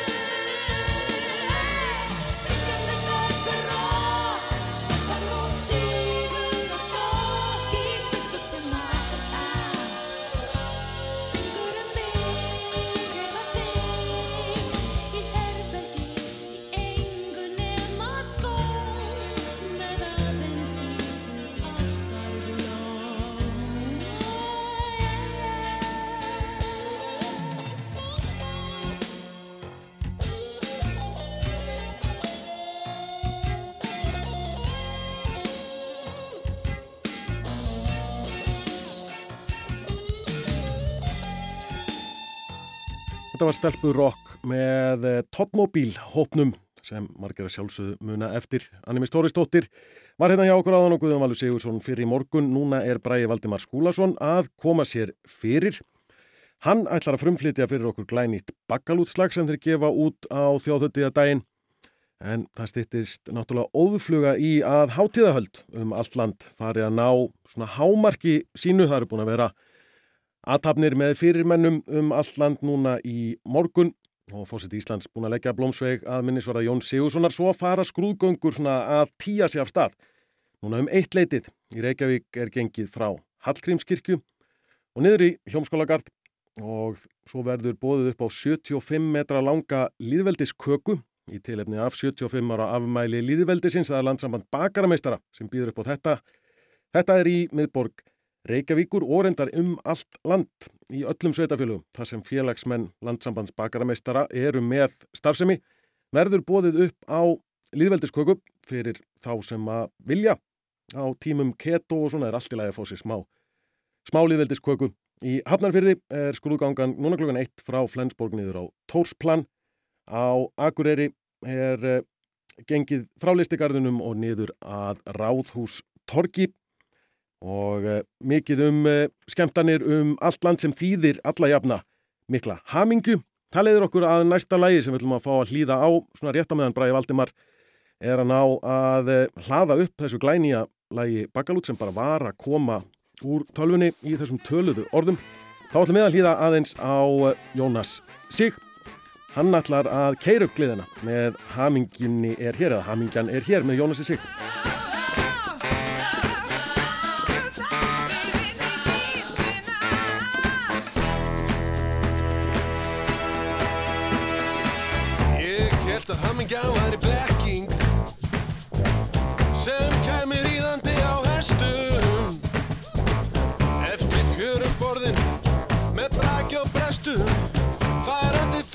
watching us.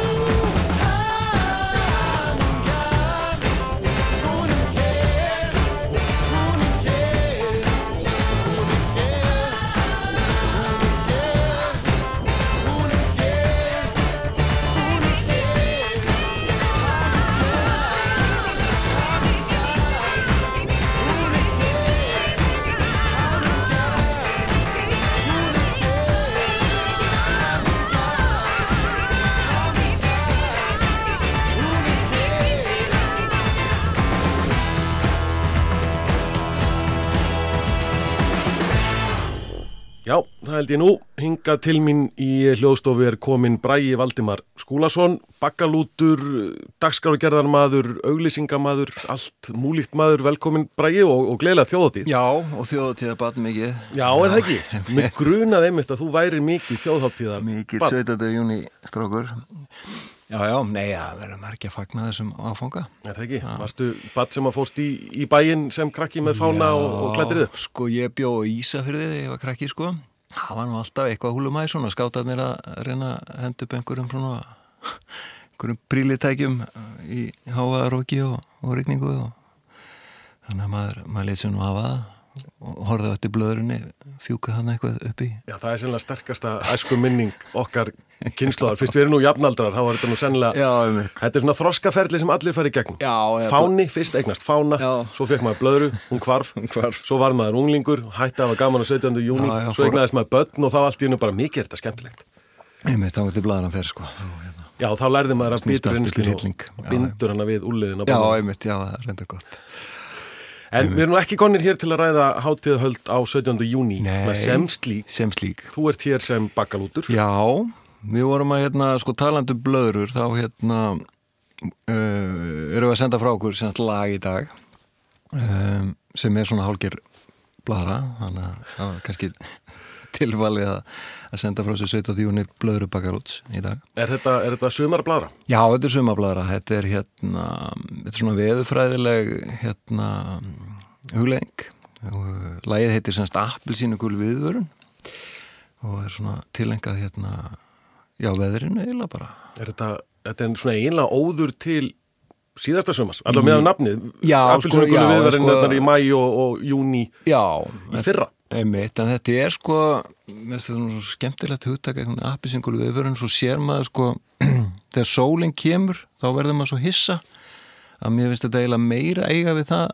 semst appisingulu viðvörun þegar actually sólinn byrtist sko. Já, og, og húðin fyrir að verða appelsinu gullari og Já, einmitt, og þessi svona ókvæðanlega gleði það, sem allir rjúka út á stöpusónum í sko, og hittast í er svona slefa yfir tíu gráðunar og þetta er, þetta er eitthvað svo fallegt fallegt við þetta þannig að já, þetta er svona eiginlega svolítið út frá því Og ég, ég er náttúrulega þykist vita að, að textin sé á mjög kjarnyrtri íslensku ef, að, Já, ef ég þekki þig svona- á einhvern hátt. Já, já, það er nú aðeins svona skauta, skauta þarna til en, en uh, ég held að þetta sé nú bara ágætlega ágætlega samansæð Eru, er, fáum við að heyra eh, veðurhugtök koma fyrir þessu? Já, Já, náttúrulega mörg skrítin veðurhugtök. Nei, þetta er nú kannski ekki en aðalega þessi appelsingulega viðvörun sem kemur þarna sko, en, en hérna það er svona já, það er hérna þetta er svona meiri, meiri kannski svona almenn hugleðing hugvekja veðurfræðileg hugvekja Veðurfræðileg Já. hugvekja á 17. júni frá Bakalúti. En áður en við frumflytjum lægi hérna Já. í, í útvarpi, þá verði nú fyrst ég komin með þig að, Mhm. að fá að spurja það svona hvernig ferlið er þegar þú hefst handa við að semja lag. Þegar textarnir Já. náttúrulega virðast einhvern veginn svona fljótt á liti vera í, í, í, fórgrunni. Já, það er nú svo merkilegt með það sko, við yfirleitt bara setjumst niður og kannski ákveðum, ákveðum eitthvað þema og, og svona og svo er bara svo er mér hent eitthvað út í hotn og, og, og látum fara að gera eitthvað. En sko yfirleitt hjá mér koma nú nefnilega lögin á undan sko. Þannig að hérna, ólíkt því sem ég frétti bara síðar að, væri vanin að menn semdu lög við texta. En hérna Já, ég, ég yfirleitt, yfirleitt kemur lægi fyrst og svo, svo er textan svona, en svo hérna, svo spilar þetta saman og, og lægið er svona aðlega að segja textana kannski. Er þetta svona ferli sem að kannski ja, helga svolítið af, af upphafsárum ykkar þegar þið fenguð, fenguð lánuðu lög frá erlendum tónlistamönnum og, og söndu svo texta við þau? Það gæti, gæti bara vel verið, sko. Eitthvað svona, eitthvað gammalt er og meitin helginni, sko. En eru þeir tímar liðnir hjá, hjá Já. Bakalúti? Þeir útskrifaðir úr, Já, ég svona hætti nú þessum ósið hérna fyrir, hvað er örugglega komið tíu ár síðan, en, en hérna, þetta lífir ágættu lífi svona yfir, yfir jólamánuðin. en þá, það er sama hvað maður gefur út margar frumstæða blöður, það er hérna, það er alltaf helviti skofulegin sem, sem sitja eftir. Já. Enda svo sem engin slórlög sem hafa verið. Fengið þessa meðferð hjá okkur. Já, fengið nýtt líf mörg hver. Svona, Já, Það já. er margir sem að þekki alls ekkert lengur. Já, já, það er Orginalana? Já, já, það er náttúrulega búið að eðalega geta fyrir fólki, gersanlega En hvað er framöndan hjá, hjá Bakalúti áður en að jólavertíðin Já, hefst? áður en, áður en blessu jólinn koma. Uh, Við erum nú bara svona við höfum verið að halda, halda tónleika svona aldrei þessu vant. Uh, við erum með svona spjall tónleika það er svona eiginlega tölum meira heldur en heldur en spilum, við erum að segja bara svona sögur og svoleiðis, kannski gerum við eitthvað meira því það hefur verið bara virkilega vel hérna Já, nú erum ennátnir gamlir og þreytir erum við að halda gítarnum og, og spila svona rætt Takk hérlega fyrir komuna Bræi Valdimar og ykkur hlustundur þakka ég fyrir samfélgina. Búin að sitja með ykkur hér síðan nýju í morgun rætti við Guðum Val Sigursson og Annimist Þórisdóttur hér fyrr. Í þættunum en lokalægið áður en það kemur að frettum er frumflutningur á glænju bakalútslægi. Það heitir Appelsínu gul viðvörun. Gjör það svo vel.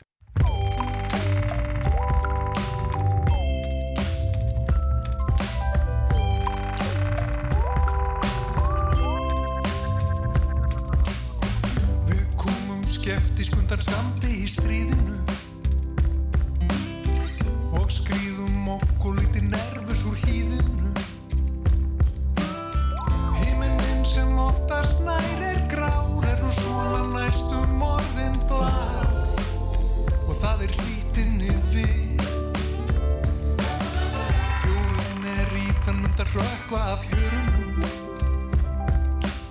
Í hendiskasti drífur sig að rífa sig úr spjörunum Það er eitthvað appelsínu gult upp í lofti giska dúlar full og ég var ykkur við Gerðu ráð fyrir stormi. Gerðu ráð fyrir læð Þangað til þá verður geggjað eitthvað djúsi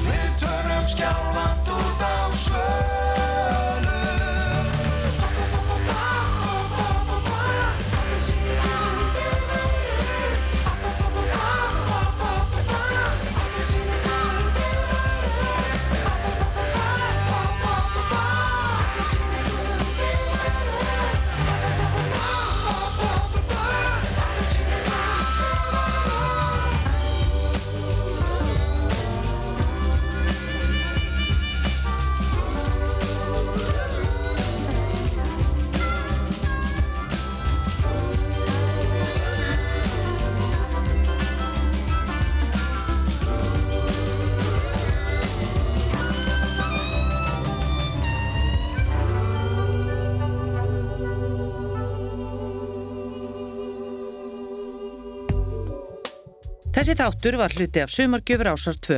Þú getur nálgast fleiri þætti úr Sapnir Ásar 2 í spilaranum á rúf.is, í rúf appinu fyrir snjalltæki og öllum helstu hlaðvarpsveitum.